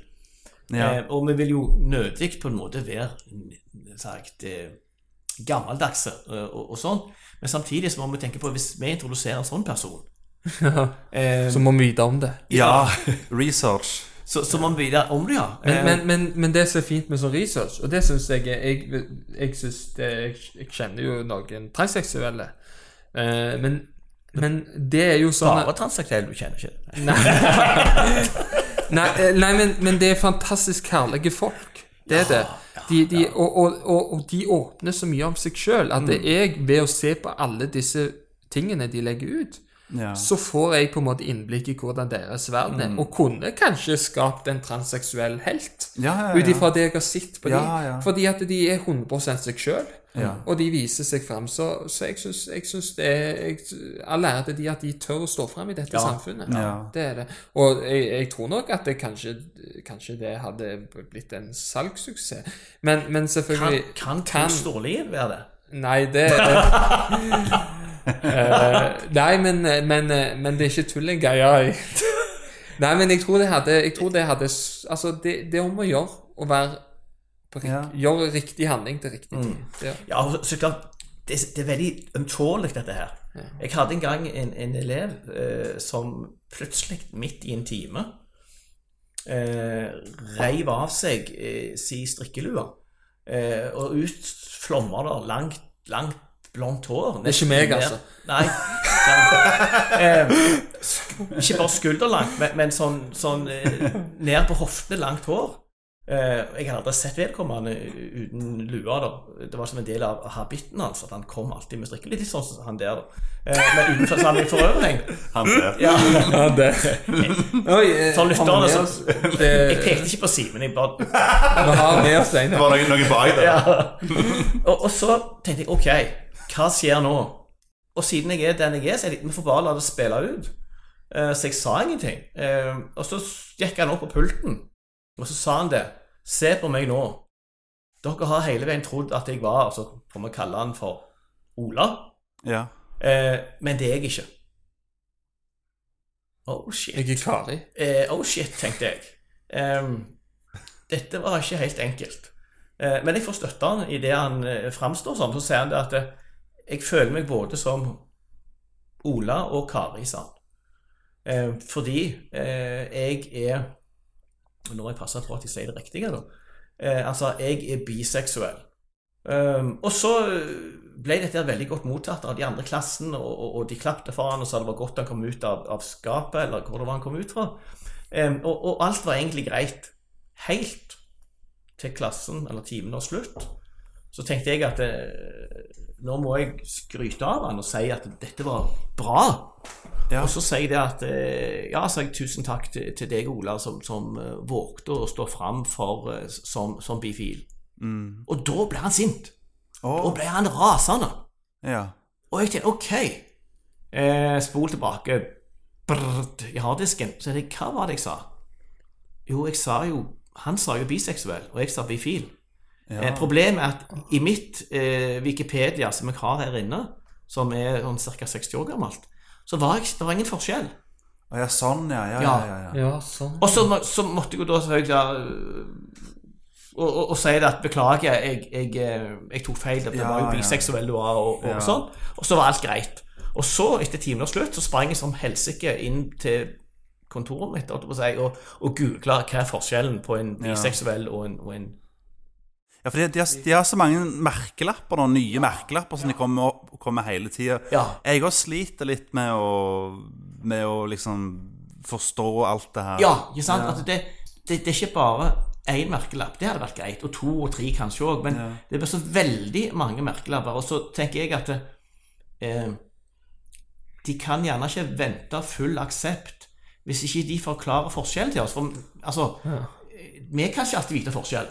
Nei, nei, nei. Eh, så så jeg, hvis noen sier til meg at ja, jeg, jeg føler meg sånn, eh, at jeg, jeg blir tiltrukket av, av, menn og kvinner og, og, og så videre, så, så skjønner jeg det. Men hvis de er veldig knallharde på disse merkelappene, så, øh, så sliter jeg. For det, at det, det er tross alt ganske nytt. Ja. Og så eh, klarer ikke jeg å sette meg inn i forskjellen. Nei. Eh, og, og, og derfor tror jeg òg at vi skal passe oss litt før vi gjør en av krimheltene våre eh, til noe eh, Ja. som Ja, jo, jo. Så det, er for, for, den, men fordi at, ja, for det, det sier vi at det, på en måte hadde det vært veldig bra. For både meg og Simen tenker jo at eh, krimmen skal reflektere samfunnet, vi skal kritisere samfunnet. Men vi kunne, godt, vi kunne godt kritisert et samfunn som fordømmer folk som, som, eh, som ser ned på eh, biseksuelle, transseksuelle osv. Vi kunne godt gjort det. Det. Det kunne vi veldig godt gjort. Men samtidig, siden jeg ikke er en ekspert på området, og, og Simen heller ikke er en ekspert på området, Ja. så kunne vi tråkka over og fornærma folk. Ja, det er jo sant. Ja. Eh, For jeg har sett det i sånne pride, eh, sånne parader, så har jeg sett en del bannere. Ja. Og så har jeg mort meg siden siden jeg er norsklærer, Ja. og så prøver jeg å skjønne hva er de vil si. Eh, og så sier, så sier gjerne bannere eh, Det var noe med eh, Ja, det, det var forskjellige betegnelser, og mange av de betegnelsene er helt nye for meg. Ja. Og så tenker jeg, ok, har dette noe med kjønn å gjøre? Har det noe med på en måte hvordan de blir utnytta? Eh, og jeg vet annet det var den siste Pride-paraden så noen som kritiserte Israel. ja. Og så tenkte jeg, selvfølgelig skal de kritisere Israel i forhold til Palestina, men, men har det noe å gjøre med kjønn? Og så måtte jeg lese meg opp på det, og det var, da var det da at eh, Israel hadde presentert seg som et samfunn hvor det var lett å stå fram, enten var homofil, lesbisk, transseksuell osv. osv. Eh, og så tenkte jeg at det er jo bra. ja. Men kritikken gikk på at disse eh, som skrev om dette, i hvert fall, de mente at det gjorde Israel for å unngå kritikk på at de behandla palestinerne dårlig. Oh. Så de presenterte seg som et veldig sånn på en måte inkluderende samfunn, samtidig som du knekker på alle palestinere. ja. Ja. Og da, da blir det veldig politisk for meg, og så blir det veldig sånn Det blir komplisert. Ja, det er veldig, veldig komplisert, det der. Ja. Ja, for jeg tenkte, ok eh, Det beste ville jo vært om de både behandla palestinerne bra og alle andre. Ja. Eh, men, men hvis du hele veien kritiserer, så, så blir det vanskelig å, å vite Og det er det jeg sier til Simen òg, at det, eh, mange ganger kan det jo virke som om Siden det er så mange betegnelser, ja. at, at hver og en i denne individualistiske tidsalderen Hver og en skal ha sin egen seksualitet. Så hver eneste skal på si at 'jeg er sånn, jeg er litt sånn, 20% 30% 20 Til sammen er jeg sånn'. ja. Og da blir det vanskelig. Ja, det, Ja, sånn jeg, jeg er sånn eh, Jeg sliter med å huske navn på folk, så nå skal jeg liksom begynne å huske eh, Liksom hvilke Hvordan de har lyst til å bli omtalt, Ja. og seksualiteten og eh, skjønnet og alt, liksom Sånn Alt Ja. skal liksom være noe unikt, liksom. Altså jeg, jeg respekterer folk. Mm. Jeg respekterer Så lenge du ikke skader noen andre, Ja. så respekterer jeg deg, liksom. Ja. Men det kan bli litt mye av og til, og det er veldig det. trist når folk viser at uh, hvis folk, Når folk blir sur eller sint hvis, hvis man sier, gjør, sier noe feil når man ikke mener noe vondt. Ja, og så Du sa noe der. For at det, meg og Simen, når vi skriver krim, så kommer vi ofte inn på, på overgrep, seksuelle overgrep eh, og, og, og all slags som vi på en måte ville helst stanse så godt vi kunne. Eh, og det er jo stort sett folk enig i. Eh, men nettopp fordi det er så mange merkelapper nå, så har jeg faktisk hørt, og det sjokkerer, eh, unge mennesker, gutter og jenter, sier at ja eh, pedofile må vi vel òg tolerere, eh, bare de ikke lever seg ut. Og da skurrer det for meg. Ja. For det er ikke på noe det er en seksualitet, det er en abnormitet. Altså det, det, det, er Ja. liksom, eh, det, det er ikke noe du skal få lov til å være. Altså det, det er noe som, som på en måte går Ja, ja, ja, ja. samfunnet Ja, ja. sier straffbart. Og som, Ja. Men jeg har møtt faktisk de som sier det, at det er ok å, å, å, å være eh, pedofil så lenge du ikke lever deg ut. Og der har jeg et kjempeproblem, for det klarer jeg ikke. ja eh, det, det kan jeg se, men du, du kan ikke gasse de heller, da.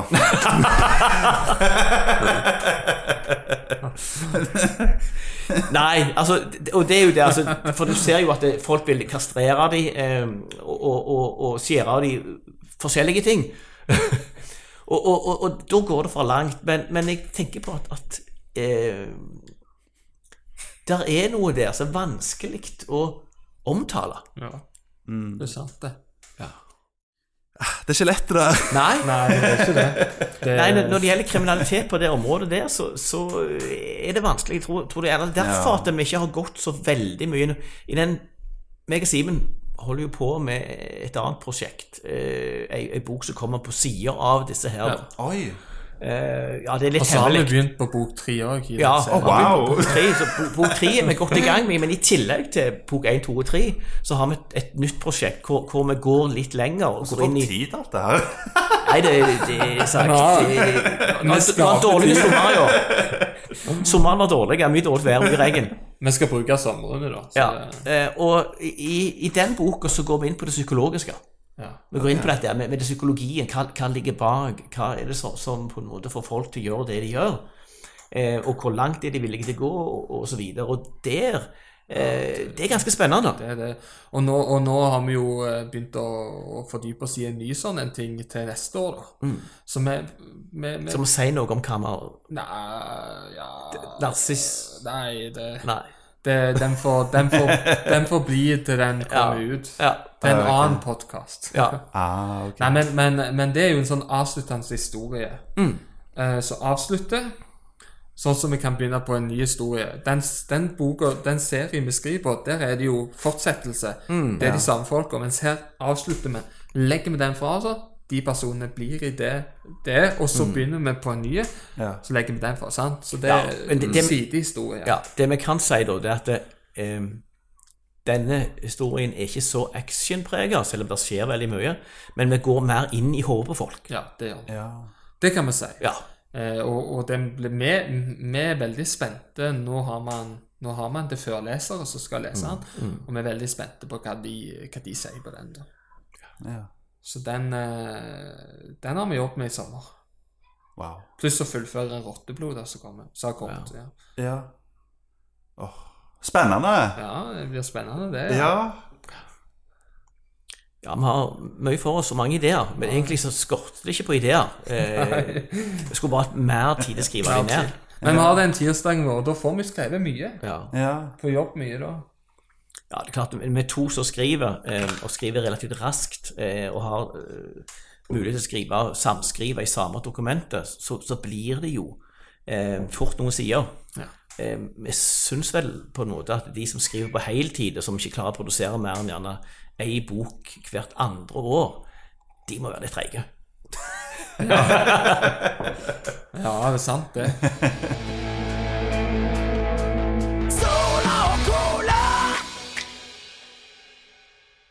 Nå er det tid for ukens musikkanbefaling! Jippi! Alles favorittspalte.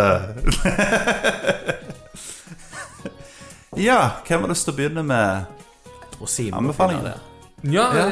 jeg eh, er jo LP-samler, så jeg liker 80-tallsmusikk. Men den Åh, mus- jeg òg. Åh, ja, det er så mye bra. Uh, Det, er- Men- det er jo de beste Bond-sangene vet du, fra 80-tallet. ja, ja, ja. For Your Eyes Only, blant annet. Nei, men den jeg, jeg begynte å høre litt på Røyksopp. Å ja, ok. Ja. eh, Eple. Å ja, ja, ja, ja. ja. Den er så kul. Altså måten de setter sammen og, ja. og sånn. Det er kult, altså.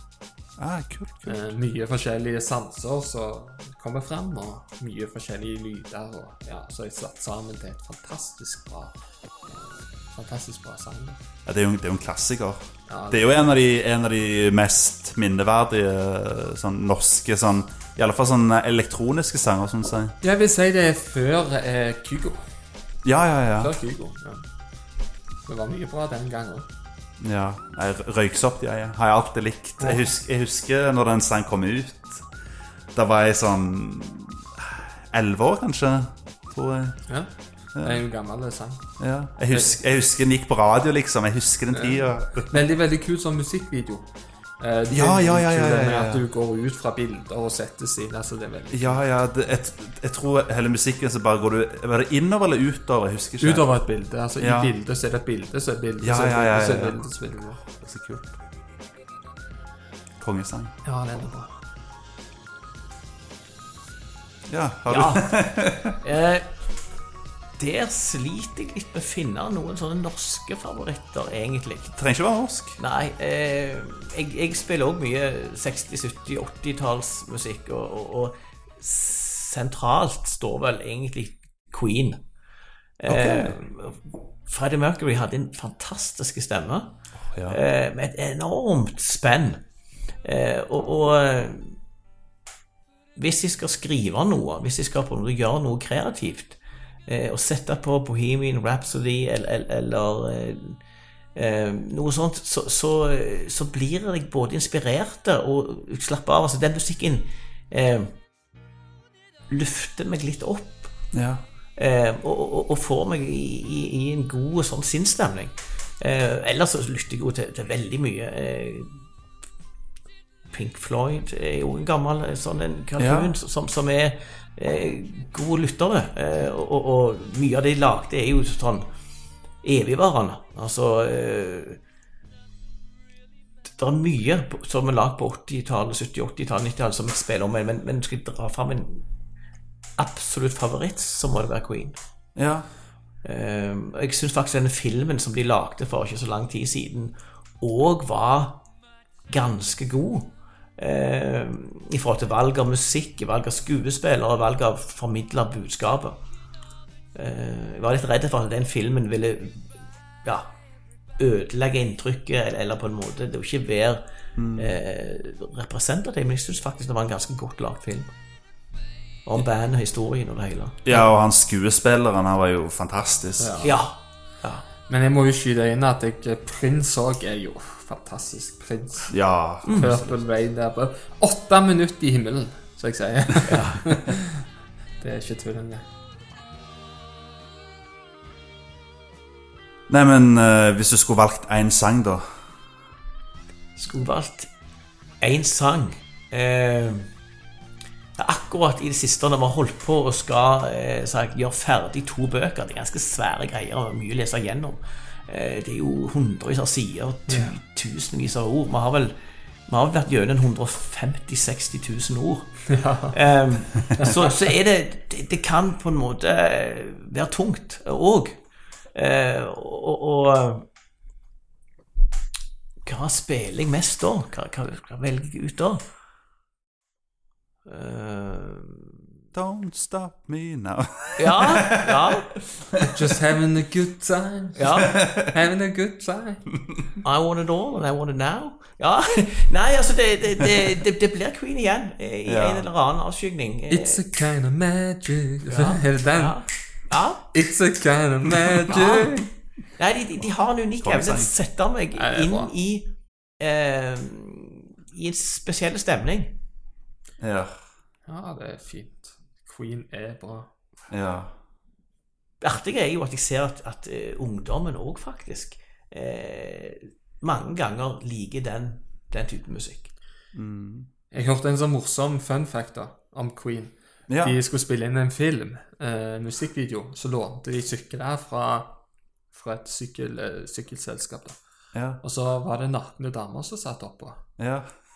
Og så skulle de returnere disse syklene. De hadde vært lånt de. Sykkelfirmaet ville ikke ha de, de måtte betale for hver sykkel.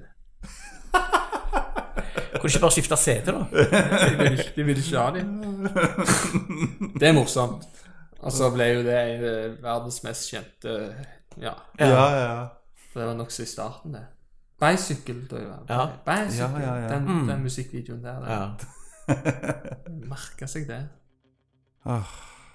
Men musikk er viktig. Jeg tror, tror eh, når, du, når du skriver, når du kjører bil eh, sagt, altså, Det er noe med musikk. Noe musikk kan, kan eh, eh, Altså Gamle filmmusikken til var det Rocky, den her um, Eye of the Tiger. Ja. Eh, den kan få meg Altså, skal jeg inn og, og, og, og, og ta et tøft oppgjør og spille Eye of the Tiger et par ganger, da er jeg klar til, til å nedkjempe tigre. Altså.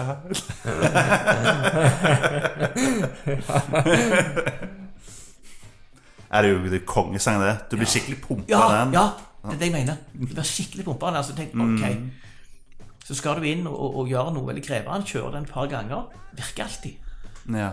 Ja, men i, min, i vår bil så har far min slutta å spille James Bond, for han får sånn Han må kjøre fortere, fortere. Ja, ja, ja, Så musikk kan ha dårlig hensikt òg. ja. Men hvis du spiller musikk til å sette deg i rette mooden, ja, ja, ja. så, så, eh, så funker det. Eh, grunnen for meg til at jeg gjerne ikke alltid kan anbefale norsk musikk, det er det at av og til så blir tekstene for banale. ja. Altså øh, Jeg var på konsert med, med Stavanger-kameratene for et år eller to siden.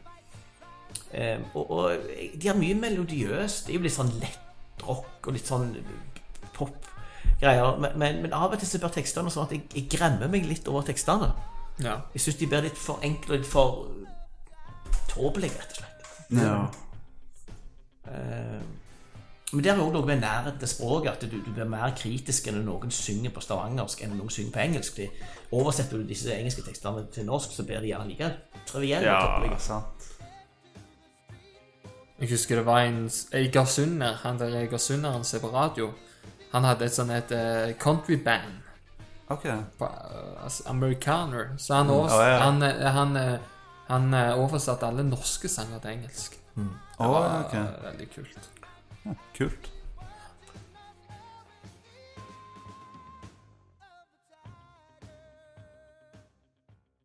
Jeg tenkte jeg skulle anbefale Gorillas. Og de har, de har kommet med noen nye sanger nå. Og en av dem heter Désolé. Det er et Désolé, hva betyr det? Det er et eller annet språk. Er det spansk? Nei. Det er ikke et av mine språk, i hvert fall. Nei. Det- er spansk. Eller, Eller fransk. eller portugisisk, jeg husker ikke helt. Men uh, det er i alle fall en veldig bra sang. Litt sånn uh, Litt chill sang, egentlig.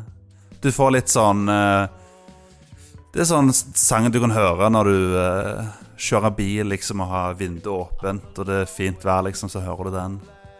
Det er sånn eh, litt, litt, litt spesiell sang, men veldig chill sang.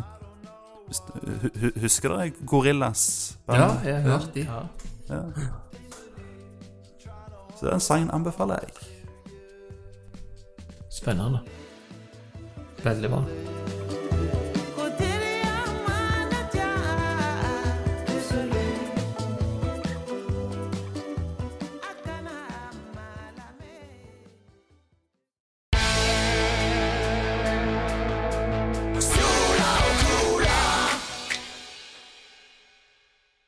Ja, ja. Da har vi kommet til slutten, dessverre. Det var trist. Det var Ja. trist. Jeg begynte å bli varme i trøya nå. Ja, Vi har hatt veldig kjekt.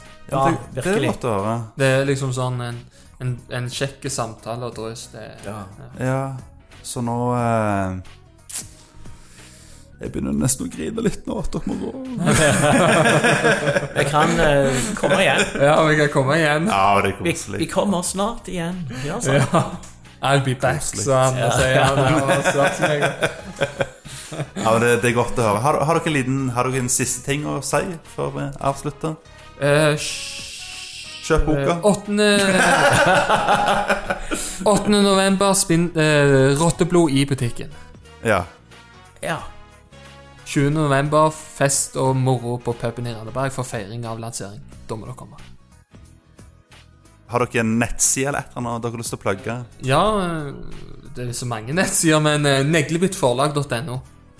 Ok. Ja, der, eh, der kommer det info og sånn. Det er jo forlagets nettside. Så det, ja. Herlig. Har du noe mer å si, Stig? Nei, eh, jeg tror det er lurt å slutte med litt markedsføring. Og så husk å følge boktime, da. Ja, og Ja. følg boktimen.